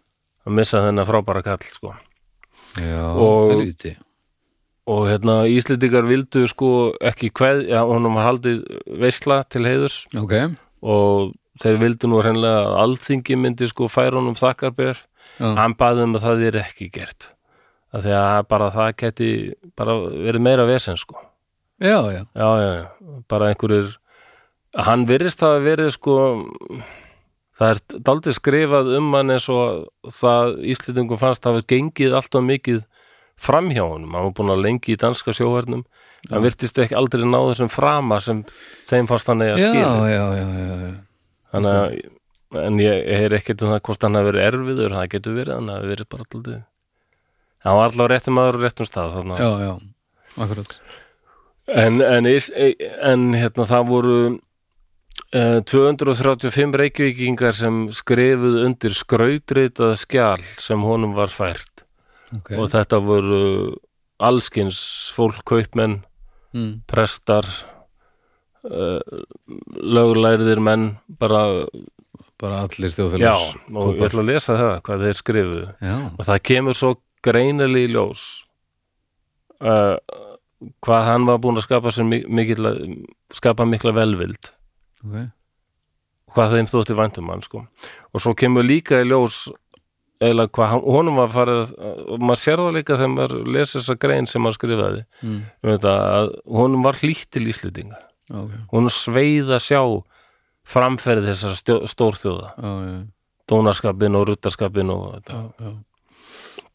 og Íslendingar hafa náttúrulega auðvitað gerð sér grein fyrir því líka Já. að þetta var þeirra maður Hún sko. var bara ekki, í hún alveg var ekki sama og þeim fannst allt og oft hefðu verið hérna danski kaftana sem bara nefndis ekki Nei, voru ekkit að leggja sér fram og svona sko. nei, akkurat en þessi hann já já, þremur til fjórum mánum 22 skip þetta var já, það er vel sem ekki það er alveg, Held ég- það er ég ekki. rosalegt ég er nú ekki mikið viðmið en ég Nei, held að- en það er- hljómar hann sko ég held að sé nefnilega Di- nú veit ég ekki hvort það er eitthvað, ég þekki nú margir landelskerslunni og mér minnu, ég þegar ég var að segja þeim frá þessu kalli, þeir voru alveg bara vá, við hefur aldrei heyrtu þennan mann já, já, Þe, og þeir voru mjög, vel að sér í já, þeim varst þetta mjög töff sko, þessar lýsingar á honum sko. Og Mm. Hvað hrifnir af skri- þeim. en þeir sögðu til dæmis hann Kristján Jónsson sem var stýrimaður á Baldri sem við nú fjallaðum jú, hann sagði líka hann vissum þegar Íslendingar og frannar sinna landhelgisgæslu Mm. bara eh, á þriðja áratug Mm. til dæmis fyrir stríð mhm, þá var einn íslensku skipara sem er minnan að við kallaðan Magnús í mann ekki alveg þekkit ekki nógu vel því miður ágæta En- líkur allavega hann var líka svona það var allir dálítið hrættið við það að hann var full aðgangsarður sko ah, já, þannig að voru allir náttúrulega hrættið við þetta stykja þessa stóru stráka sko. já, ef maður stykkir og mikið þá verður það verra en Já. aða fyrir töluvert mikið skelluðilega Já, ef, ef breytar ákvaða að sína okkur hva, hvar Davíð keipti ölið mm. aldrei hefur skilið þetta máltæki Nei, þetta er eitthvað, er þetta ekki eitthvað Jésu Það, Örgulega? nei er það? Nei, ég um það Nei. En hvað skrifuðu Íslendingar um hann segir? Já, ok Það er svolítið flott tungumál líka Já, og það er mjög gaman að lesa auglýsingar líka á þessu tíma já, já Jólavindlarnir, nýkomnir Já, Kaupið jólavindlana hjá, hjá B.H. Þorgeirsson eða eitthvað svona eh, já, já, hétu allar búðurnar já Snild B.H. Ólafs Simpson eitthvað. Jólavindill, hvernig er Jólavindlarnir Hvernig eru- hvernig eru jólavindlar? Ég, það er bara það er bara jólasíkertur og jólavindlar það er alltaf verið að auglýsa það Vindill, kanill Já, þetta var Jól. kallað, vindlar var eitthvað sem allir eru þurft að hafa verið jólin sko. Já, já, já og það, Já, og alls kemur svona nýlendu vörur en býtu vindlar, hvernig voru vindlarnir þá? bara eins og þeir eru í dag held ég stórir og flottir vindlar Já, ok en þetta var náttúrulega munaðar var að utan sko. Já, já, en ég meina hún, ég bara hef, einhvern veginn, jólavindlar þetta er ekki, einhvern veginn, þetta var bara grann einhver siður af hverju veit að þú maður ekki af keiptir vindla fyrir jólin og svo bara Ha? eð, já, það var bara borðað reynd að borða vel og, og svona spennandi framandi mat eins og appelsínur og epli Já, já, ég, ég, þetta veit ég sko Já. En jólavindillin, ég hef aldrei hýrt um hann Nei, það er, maður, segir, maður sér mikið auglýsingar frá þessum tíma til dæmis Já, og fyrir, set- fyrir heimstyrjöld og svona, það er alltaf að vera að tala um jólavindlana já, Já, það er magnað já, ég veit ekki hvort við ætlum að reyna að Endur ekki koma það því í gang aftur, ég held að það er nú ekki alveg jafn vinsalt í dag kannski Nei. Kanilveipið eh, Eitthvað Já, já, já Með mistilteinsbræði Tókvarspúðar með mistilteinsbræði Já, ég er nú ekki að fara að veipa neitt með mistiltinni með mitt nafn sko, ég tek enga sinns En, en sem sagt Íslendingar færðu skrautrit, honum skrautritað skjal þegar hann var að fara Já. og það er uh, hljóma svona Velborni herra sjóliðs kafteinn Karl Georg Schack Næs, Á þeim stutta tíma er þér sem yfirmaður varðskipsins heklu hafið haft strandgeslu hér við land hafið þér getið yður frábæran og einróma orðstýr fyrir þann framúrskarandi dugnað og óþreytandi árvekni sem þér hafið sínt þessu starfi er hefur svo mikla þýðingu til að vernda annan aðal atvinnuveg landsmanna fiskveðarnar fyrir yfirgangi, áleitni og lögbrotum útlendra ránsmanna. Það lítur þess vegna að vera oss Íslendingum mikil sorgarfregn að þér heilsunar vegna hafið fundið yður knúðan til að beiðast nú þegar lausnar frá þessu vandamikla starfi. Og þegar þér nú yfirgefið landvort finnum við hjá oss ríka kvöt til þess að votta yður í voru nafni og fyrir hönd allra Íslendinga einlaga virðingu og alúðar fylstu þakkir fyrir það hversu ágætlega þér hafið leist yðar vandasapa starf af hendi landi voru til hagsældar og heilla Reykjavík, 9. júli 1905 vá, Já, já þetta er og þannig alveg að sko hversu ágætlega þér hafið á þessum tíma Já, var alltaf ágætt, betra heldur en gott Ágætt og best já, það var best sko. Já, hversu, dagmyndu segja hversu frábælega sko, já Þetta er rosalega, rosalega þakkar alveg Þetta er ekkert eitthvað bara takk fyrir rest sko nei, nei, og hann, hann svaraði þessu ég ætti ekki að lesa það líka Já, herðu hann, hann byrtist bara í ég held að vera í Ísafold Já, eða hann blöðin hétur svo flottan öfnum Þjóðólfur og Ísafold en hvað sagður samt á eitthvað, skráin? Eh, nei, Dagskrá, Dagskrá Það var svona aðeins, það er kannski ekki els mjög vel sko nei, það var pínu svona En það var latara svona, sko. hann finnst að gefa samt svona sko hann, þetta var verið að skrifa um bara Já, já. hluti sem þetta þarf að vera á dagskrá sko. Já, já, já, ég já, skil já, það ok, þetta er hannig Alþýðu bróndir dagskrá sko. Já. bara við þurfum að fara að veiða hérna Já, já, hann skrifa sko til Íslendinga með því að mér er öldungis ómögulegt að þakka skriflega hverjum einstökum flyt ég hér með þak, hjartanlegar þakkir öllum þeim sem rituðu undir ávarp það frá íslenskum borgurum sem mér hefur verið sendt. Mér er það innilegt gleðiefni að komast að raunum að borgarar Íslands hafa verið ánaðir með starfsemi mína sem formann svarskipsins. Og ég fullvissa þá alla um að það hefur verið mér hinn mesta ánægja að geta unnið fyrir heill þessa lands og þeirra borgara sem ég ber svo hlýjan hug til. Ef mér skildi oftar auðnast að vinna eitthvað fyrir Ísland, mega þeir treysta því að ég mun beita öllum kröftum og ástundun til að vinnað hill landsins. Með þessum orðum sendi ég öllum hjartanlega kveðju og innilega þökk með óskum velgengni, heill og hamingju Íslandi til handa. Virðingar fylst, sjakk, höfusmaður í sjóliðinu. Já, já, já. Nú, Já, hvað, hvað finnst þér um þetta? er þetta sama ár bara? eða? Já, þetta er bara þegar hann var að fara þá byrtist allt í blöðunum það er alltaf, Af því alltaf það- tilgýringar voru alltaf í blöðunum sko. Bara eins og englendingar Og meira að segja Meira og bara- minna allur heimurinn sér okkur sem slefleikandi slúberta með Já. allur Já, þannig að það er það voru náttúrulega vissulega danir sem voru vinnmættir Íslandi í getnum tíðina Algjörlega, en, þe en þetta var eitthvað sem þetta er Íslandingar svakaleg, svakalegt bref sko. Já, og þetta það voru, og það voru reyndar sko aðrir danir sem þóttu stundum gangaði aldrei skörulega fram en en- enginn er svo þessi sko. Nei, hann var óþreytandi sko já og hefði alveg verið til í að halda áfram ef ekki hefði verið kift í einhverja spottar eða, það- eða hilsan hann er náttúrulega ekkert vilja að segja um það en hérna, Íslendingur voru alveg með þá hreinu þetta, þetta væri bull sko. hann lifir allavega í 25 ári viðbúð já, hann gerir þamlega og, og hann var, hann var á tímabili var hann hérna, þingbæður hann satt á þingi um tíma Já, já. og hann var alveg í sjóhernum eitthvað áfram sko.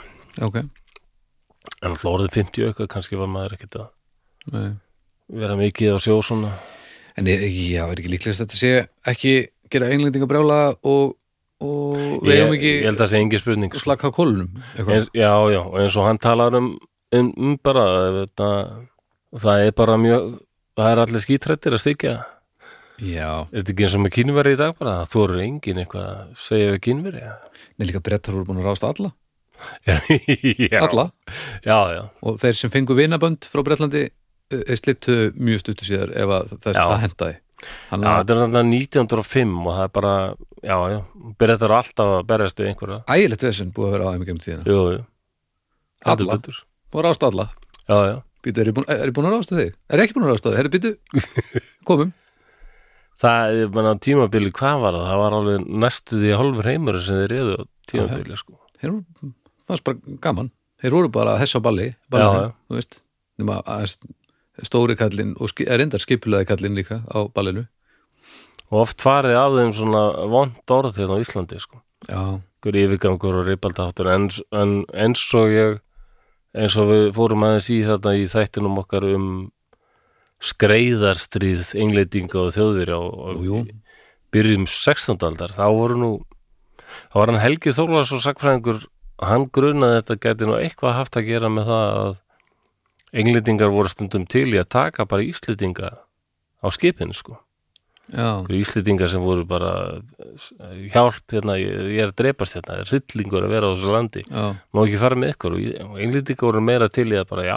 já vingaði þetta það var alltaf yfir valdin og Íslandi leist ekkert á þetta Nei, ég skilji þannig að það getur alltaf verið tvær liðar á þessu Já, en, já, en- alveg pottið en ég held, En það er sko. ég ekki tvær, held- það er ekki tvær liðar á því að brettar eru búin að slástu alla það er nei, bara það. Ef en þú veist, náttúrulega þau eru voru alltaf rosa tvær liðar á- heimsveldi auðvitað voru þeir fullir á roka og stælum Já, já, Tvær liðar auðvitað á hverri, hverri baráttu en, Já, já. en þeir eru samt búin að slástu alla já, já Já, þetta er og bara öllum hefur verið frekar illa við englendingar í getnum tíðina Já. og það er kannski einhver ástæð fyrir því Já, það er var nú- djóka, með, það var djóka með það að hvernig, engli, hvernig Evrópubúar og Amerikanar sjá englendinga í allt veru ljósi Já, já, já, Amerikanar halda alltaf að þessi allir eins og Colin Firth í ykkur svona já, já bíómynd að leika eitthvað svona eins og konungurinn hérna í hérna já, setur te og, Já. og, og svona uh, vel snirt og Já, greifar og eitthvað sétt og svolítið settlegt lið eitthvað hérna I say the weather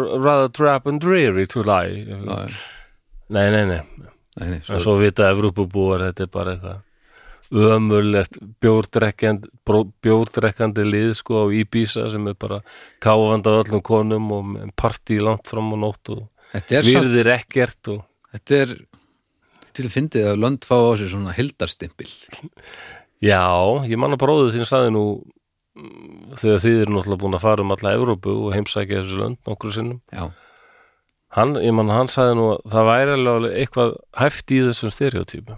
já, já, sko. oft á Það tíðum er verða til fyrir einhver, einhver ástæð fyrir því, sko.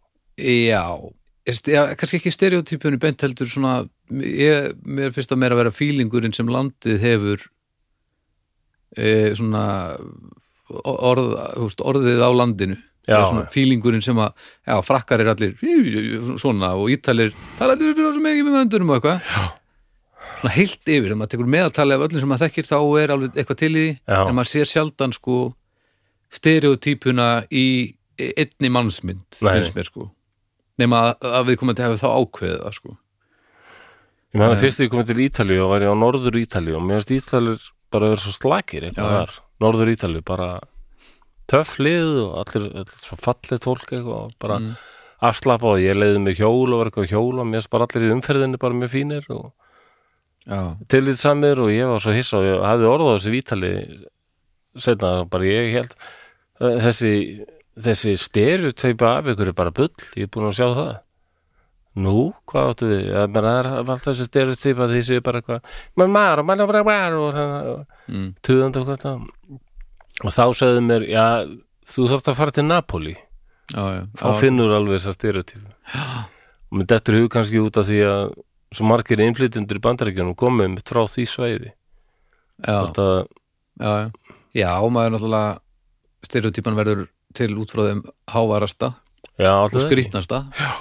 það er svolítið þannig eins og brettar eru finnasta fólk sem ég veit um já, þessi, þessi, þessi, það er húmór þessi sem að kaltæðni sko. það er ekki húmór sem að hendar okkur heldur er það húmór sem þau kend okkur já, og já, þetta er en svo, já, já, þetta er bara áhugavert hvernig, já, hvernig já Ég eins meina, og svo geta Íslendingar, sko. englendingar eru mjög skemmtilegt fólk sko. hver er tónnin í, í íslensku þjóðinu úst, hvað, Íslenskum úst, hvað, hvernig heldur að fólk eins og brettar upplifi Ísland núna út af því hvað, hvað eru við í augum englendinga í dag Já, nú þurftum við að fá hana vinkon okkur hana Duels Chambers mm, sem er með þetta ágæta podcast þarna, uh, All Things Iceland heitir já, þetta ekki jú, jú, Ég hef ekki hlustaði í smá tíma sko en þarna, ég veit það ekki ma, ég gerir Ég mér var nú ekki, giftur Amerikana í mörg ár sko ha? já, ég gerir mér ekki grein fyrir hvernig úst, er þetta álvar, eldfjöll uh, jöklar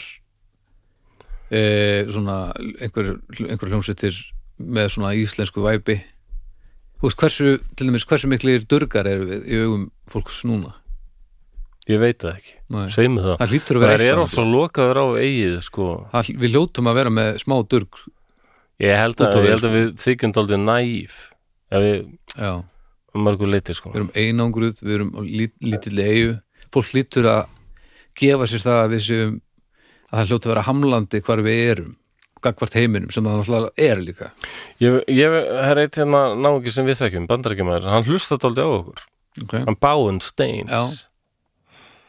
og hann, hann skilur íslensku ágætlega sko. mm -hmm.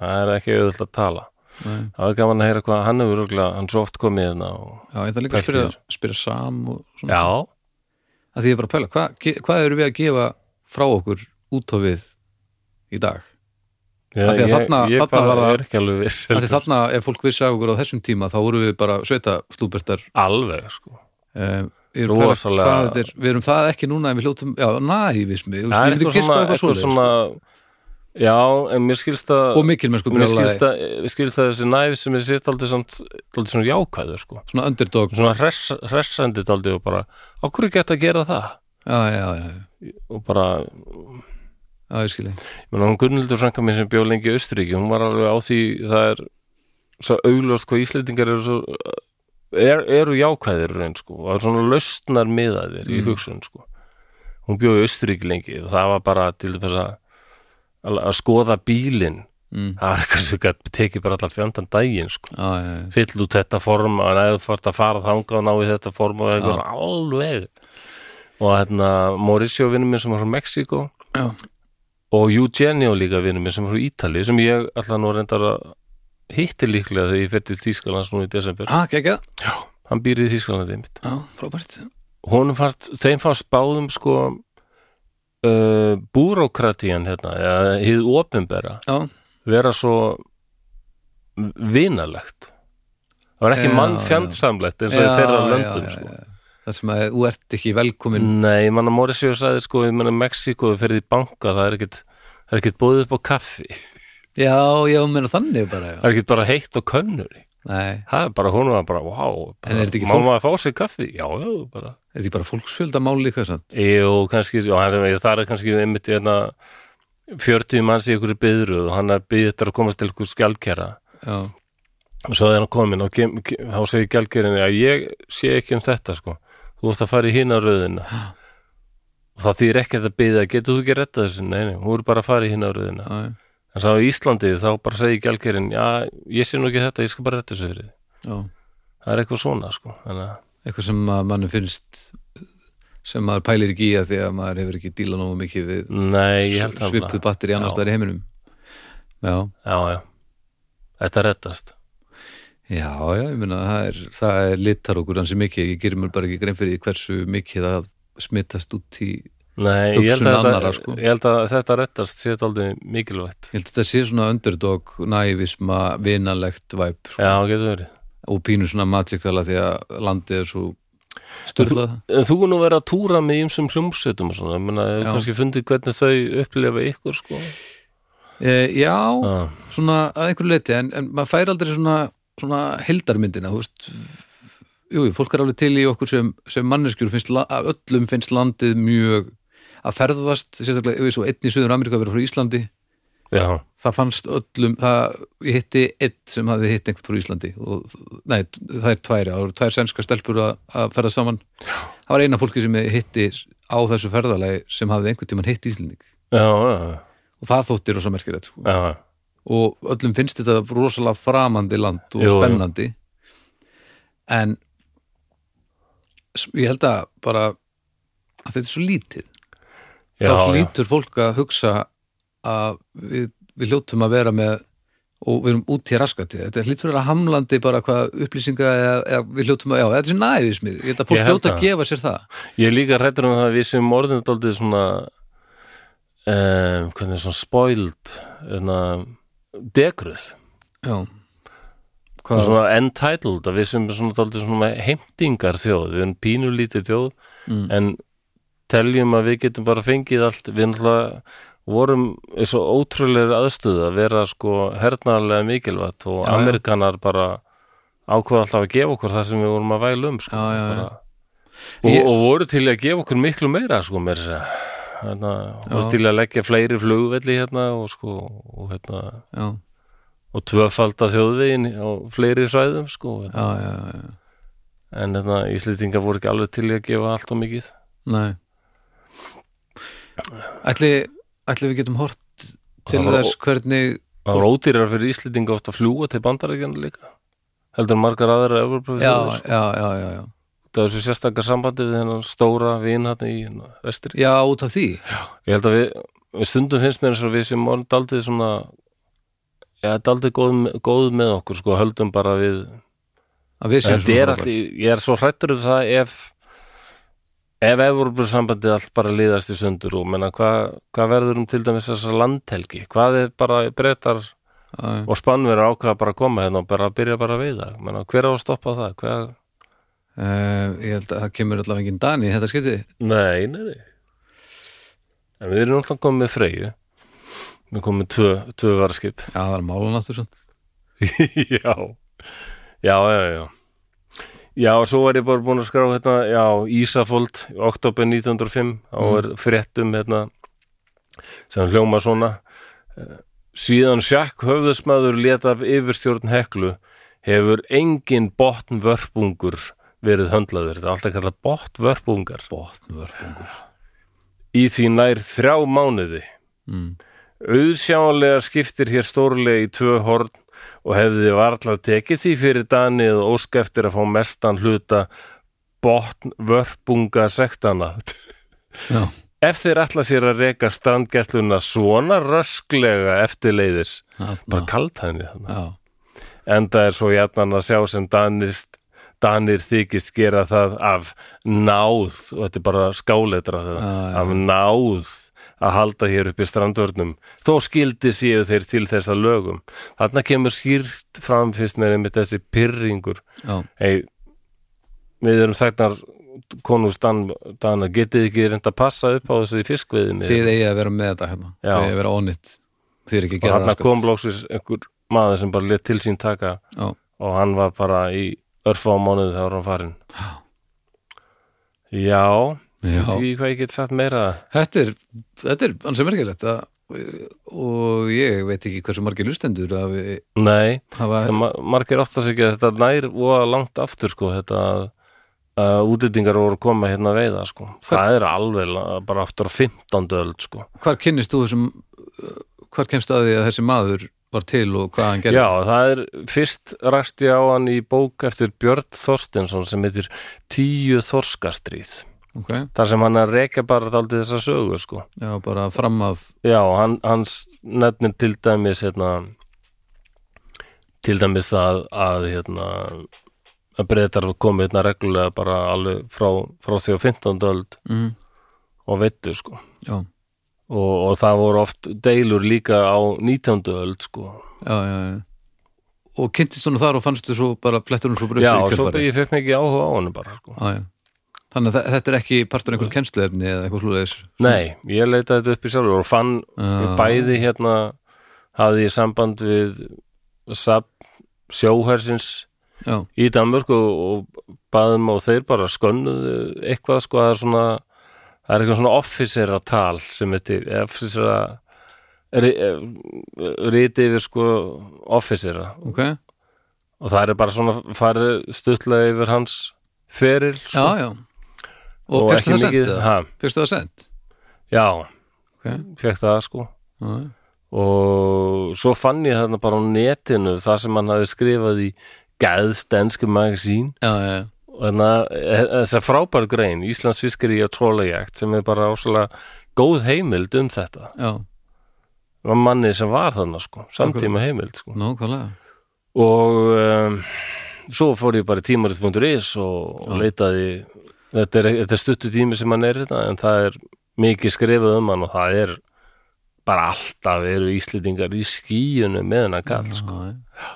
Þetta og hann hann var Íslendingar voru fættir að kalla hann gæluheiti sem er nafnið á þættinum Ú, Tógaraskelfurinn tógaraskelfurinn Já Já, Tógaraskelfurinn Karl Georg Sjakk heiti tóttun þetta Já, allavega, eða bara Tógaraskelfurinn Tógaraskelfurinn, ok, það er gott En, en ég var daldi pælið því að hann mætti að fara að hafa þættina þannig að sé auðvöldur að leita uppi Já, þeir eru orðin svo margir Já, Vita- vita það var hvað- eitthvað sem sagði að það væri stundum hann var að leiða að leita að einhverjum ákvörðum þætti og það var Já, já, smá vesen já, já, það er alltaf Þegar einhver ég var að segja alltaf eitthvað verið að st- svo sniður þegar ég bjóð til þess að titla. Já, þú ræður þessu svönd Já, já, Það er alltaf einhver að segja eitthvað, þú gerir þetta bara eins og sínst en síðasti þáttur þá bara, hann hétt bara plast. það, það, Hann finnst Já, já, hann fyrst já, náttúrulega. já. En hérna, Já, já, en hvað sagði skipið hans héti? Hekla? hekla. Já, hvað, veistu hvað varðum það? Mm, Nei, það er nú glætt að komast að því, sko. Já, ég er bara að velta fyrir mér Það var náttúrulega danst skip og það var ekki óalgengt að þeir skýrðu stundum skipið en þau hétu einhverjum svona íslensku nöfnum. Já, já, Já, já. af hverju, bara sína lit Það er bara eitthvað töff, sko. Já, bara, Og já, hekla náttúrulega alveg allræmt fjall. Já, já. En hvernig, myndi, hvernig er það borið fram með maður er Dani? Heklu, Heglu? heklu. Já, það gengur ekki. Nei, hei. Nei. og mér segja sko það var mér segja til dansnafn á þessu fjalli, ég hefur ekki heyrt það Nei. það er voðalegt Ok. Heckenfeld Nei. Hackenfeld. Heckenfeld, og það er svo mikið Ég eitthvað svona gleym- sem maður kaupir þegar maður uh, hefur ekki tíma til að elda Já, það er bara kaupið ég Heckenfeld kaupi einn Heckenfeld hérna og bara, Já. bara hitt hann upp Heckenfeld með tvöföldum osti, já bara bú- klárt, klárt Já, já, í, í bumbula, Heckenfeld beint í mýgrinnis bumbula En mér, ég, mér finnst þetta allt mjög merkilegt eins og þessi ekki síst þetta sem Einar Ben er að skrifa og bara, já, þetta er alveg þetta er Ég- mjög merkilegt dæmi allt saman og er það ekki? mér er líka gaman að heyra því að við á þessum tíma höfum tekið eftir þessu og þakkað hann svona vel fyrir Já, það er svolítið gaman sko já, það er flott sko um, og hann var greinlega ólinn líka þetta, þetta, já, þetta, er Já, bara, já. þetta er bara fallið saga í rauninni Já, Þó það að- ekki, þó menn að að- þetta var Íslands vinur mikill og mér Já. mér finnst þetta leiðilt, hann er alveg, alveg glemdur sko já, ég held að við út að rífa næðis upp á yfirbúru Já, mér langaði alltaf að gera það og það er þeim myndir af honum, hann að ég sitt þær á já, ég hlakka til að sjá og og, heklu og svona þannig. er, er til, það er náttúrulega bara til myndir á hann þá á þessum aldri, cirka Ná, Já, það er- bæði og líka eh, fann ég mynd á honum þegar hann var yngri Nú, ok, Svo er mynd í bókinni hérna hans Björns Þorstenssonar af kallinum, hann sem hann er að hundskama ykkur tógar að kall já, já, já og hann er, hann er skelfa alveg einhvern. bara í, í frakkanum og með kaskeitið og heldur bara okkur veldisbrota Ha, hann hann var bara með eitthvað svona batón, sem sagt eitthvað svona Já. sprota sem svona fóringjar gáttu verið með stundum sem kilva eða eins og Ég- galdra eitthvað, eitthvað svona uh, valdsmannstákn er þetta meira Riot lögga eða er þetta Harry Potter hvorum meginn eru við? Nei, þetta er meira ræjóttlaga, Ah, Já, já, þetta er alveg ok, bara já. já, já, hann hefði getað lamið eitthvað með þessu Já, ok, af því að allt í einu þá leið mér eins og og hann er, og verið að eyðilegja allt sem ég er búin að sjá fyrir mér og þetta væri í rauninni bara gandalfur en ekki hún verið sem þetta hafa verið til svona stór og mikill maður og hann, hann svona halla sér alveg fram sko, svona Já. valsmanlega yfir, skelvan yfir, já Já, og það ég fann lýsingar á því að hann tók franskan tógar og hann segir sko frakkar eru tilfinningamenn sko og Mm. kallinn var fyrst að rífast og skammast sko svo hann fattaði bara að hann var, þetta var alveg tapað mál Mm. og var- hann var færður til uh, hafnir versmannegjum þá fór hann bara að gráta, hágrýtt já, já, þannig að þeim leið svo undarlega hérna að bara kallinn bara grenjaði og hágrýtt sko já, já. og þá sagði hann að, og var hann, þá sagði Kalki og sagði að hann var svona við það að fara að kenni brjóstum hann já.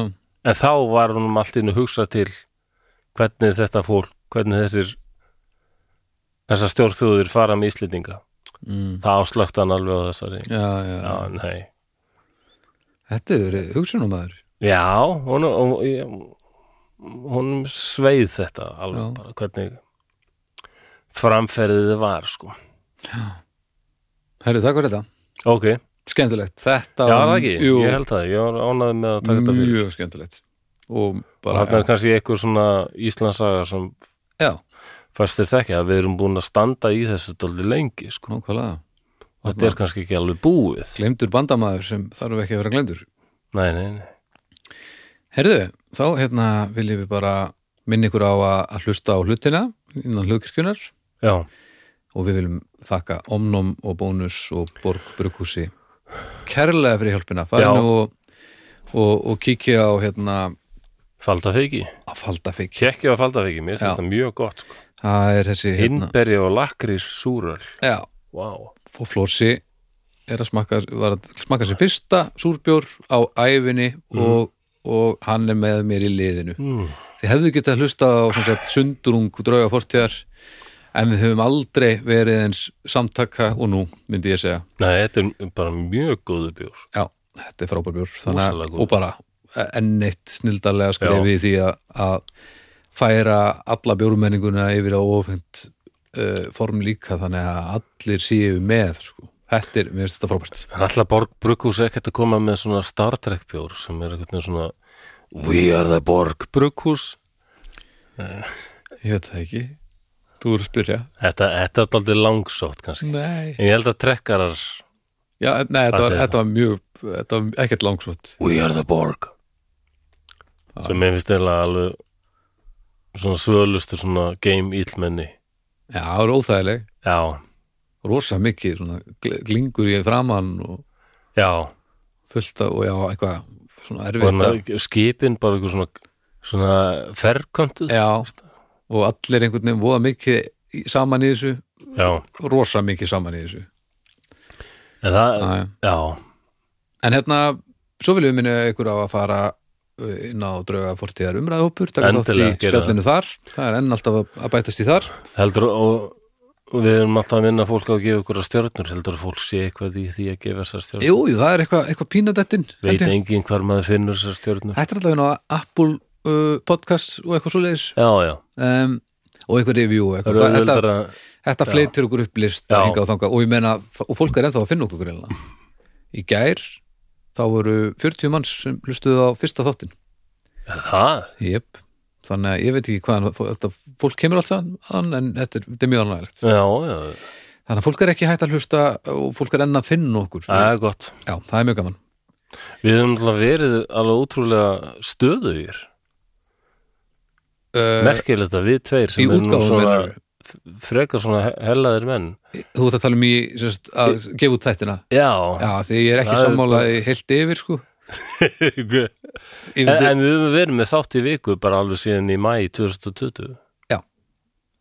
Það Rétt. er aldrei vel að þessu viki Já, Það er ég- stundum meira heldur en einu viku ég er nefnilega ánægð með okkur Þetta er vel gert sko Og það kannski skila sér að hérna, þetta Já, ég held það og líka því að, já, ég ger mér ekki grein fyrir hvort fólk fatti hvað þetta er mikil vinna en það kemur því líka svo sem ekki við það þarf ekki að vita, en, en ég, ég er alveg það er alveg þannig, Já. ég er ánægð með okkur sko Nú man ég, ég ætla, ég var næstu búin að glemma þessu, ég ætla að hæla á ákveðnu hlaðvarpiða því að uh, við höfum talað um það að hæla því sem vel er gert Já. og ég veit að þessi maður hefur nú hælt okkur í sínu hlaðvarpið, þetta er hann Fjölnir Gíslason sem er með draug, Já, draugavarpið. já, við höfum talað um henn- hann hérna áður sko, alveg tvisar Eða, Já, en það er, það er full ástæða til að ítrekka það. eða það meina það er sérstaklega eitt þáttur sem hann er með sem heitir Stofa 209, minni mig. mm, Við erum draugagangi 209. á Östubæðaskóla, ég á heima rétt á Östubæðaskóla. Já, og nú er ég alltaf að labba fram hjá Östurbæðaskóla já, og dimmum, vet, við dimmu vetarkvöldið þá verið svona alveg beigur í mér bara. Þetta, þetta er bara, þessi þáttur er bara efni í hryllingsmynd sko, þetta er rosalega já. creepy maður. Já, þið skulle fara og tekka á draugavarpinu, það er ekki spurning Er það Ah, að tala um, mjög gott. hvað sagður, herbyggi hvað? Herbergi 209 Ah, 48 Nei, nei, já, það er hótelið Nei, stofa 209 Já, betur nú, ég er búin að hlusta á hana þátt náttúrulega, þannig að ég þarf að finna hann hérna Stofa 209, Já, stofa Já, 209, já. Östurbæðaskólan en já, það eru konir nýju þættir nú þegar hjá Já. honum, þannig að fara og tekja því af því að þetta er frábælega gert hjá honum Já, þetta er mjög töff En svo, hvað?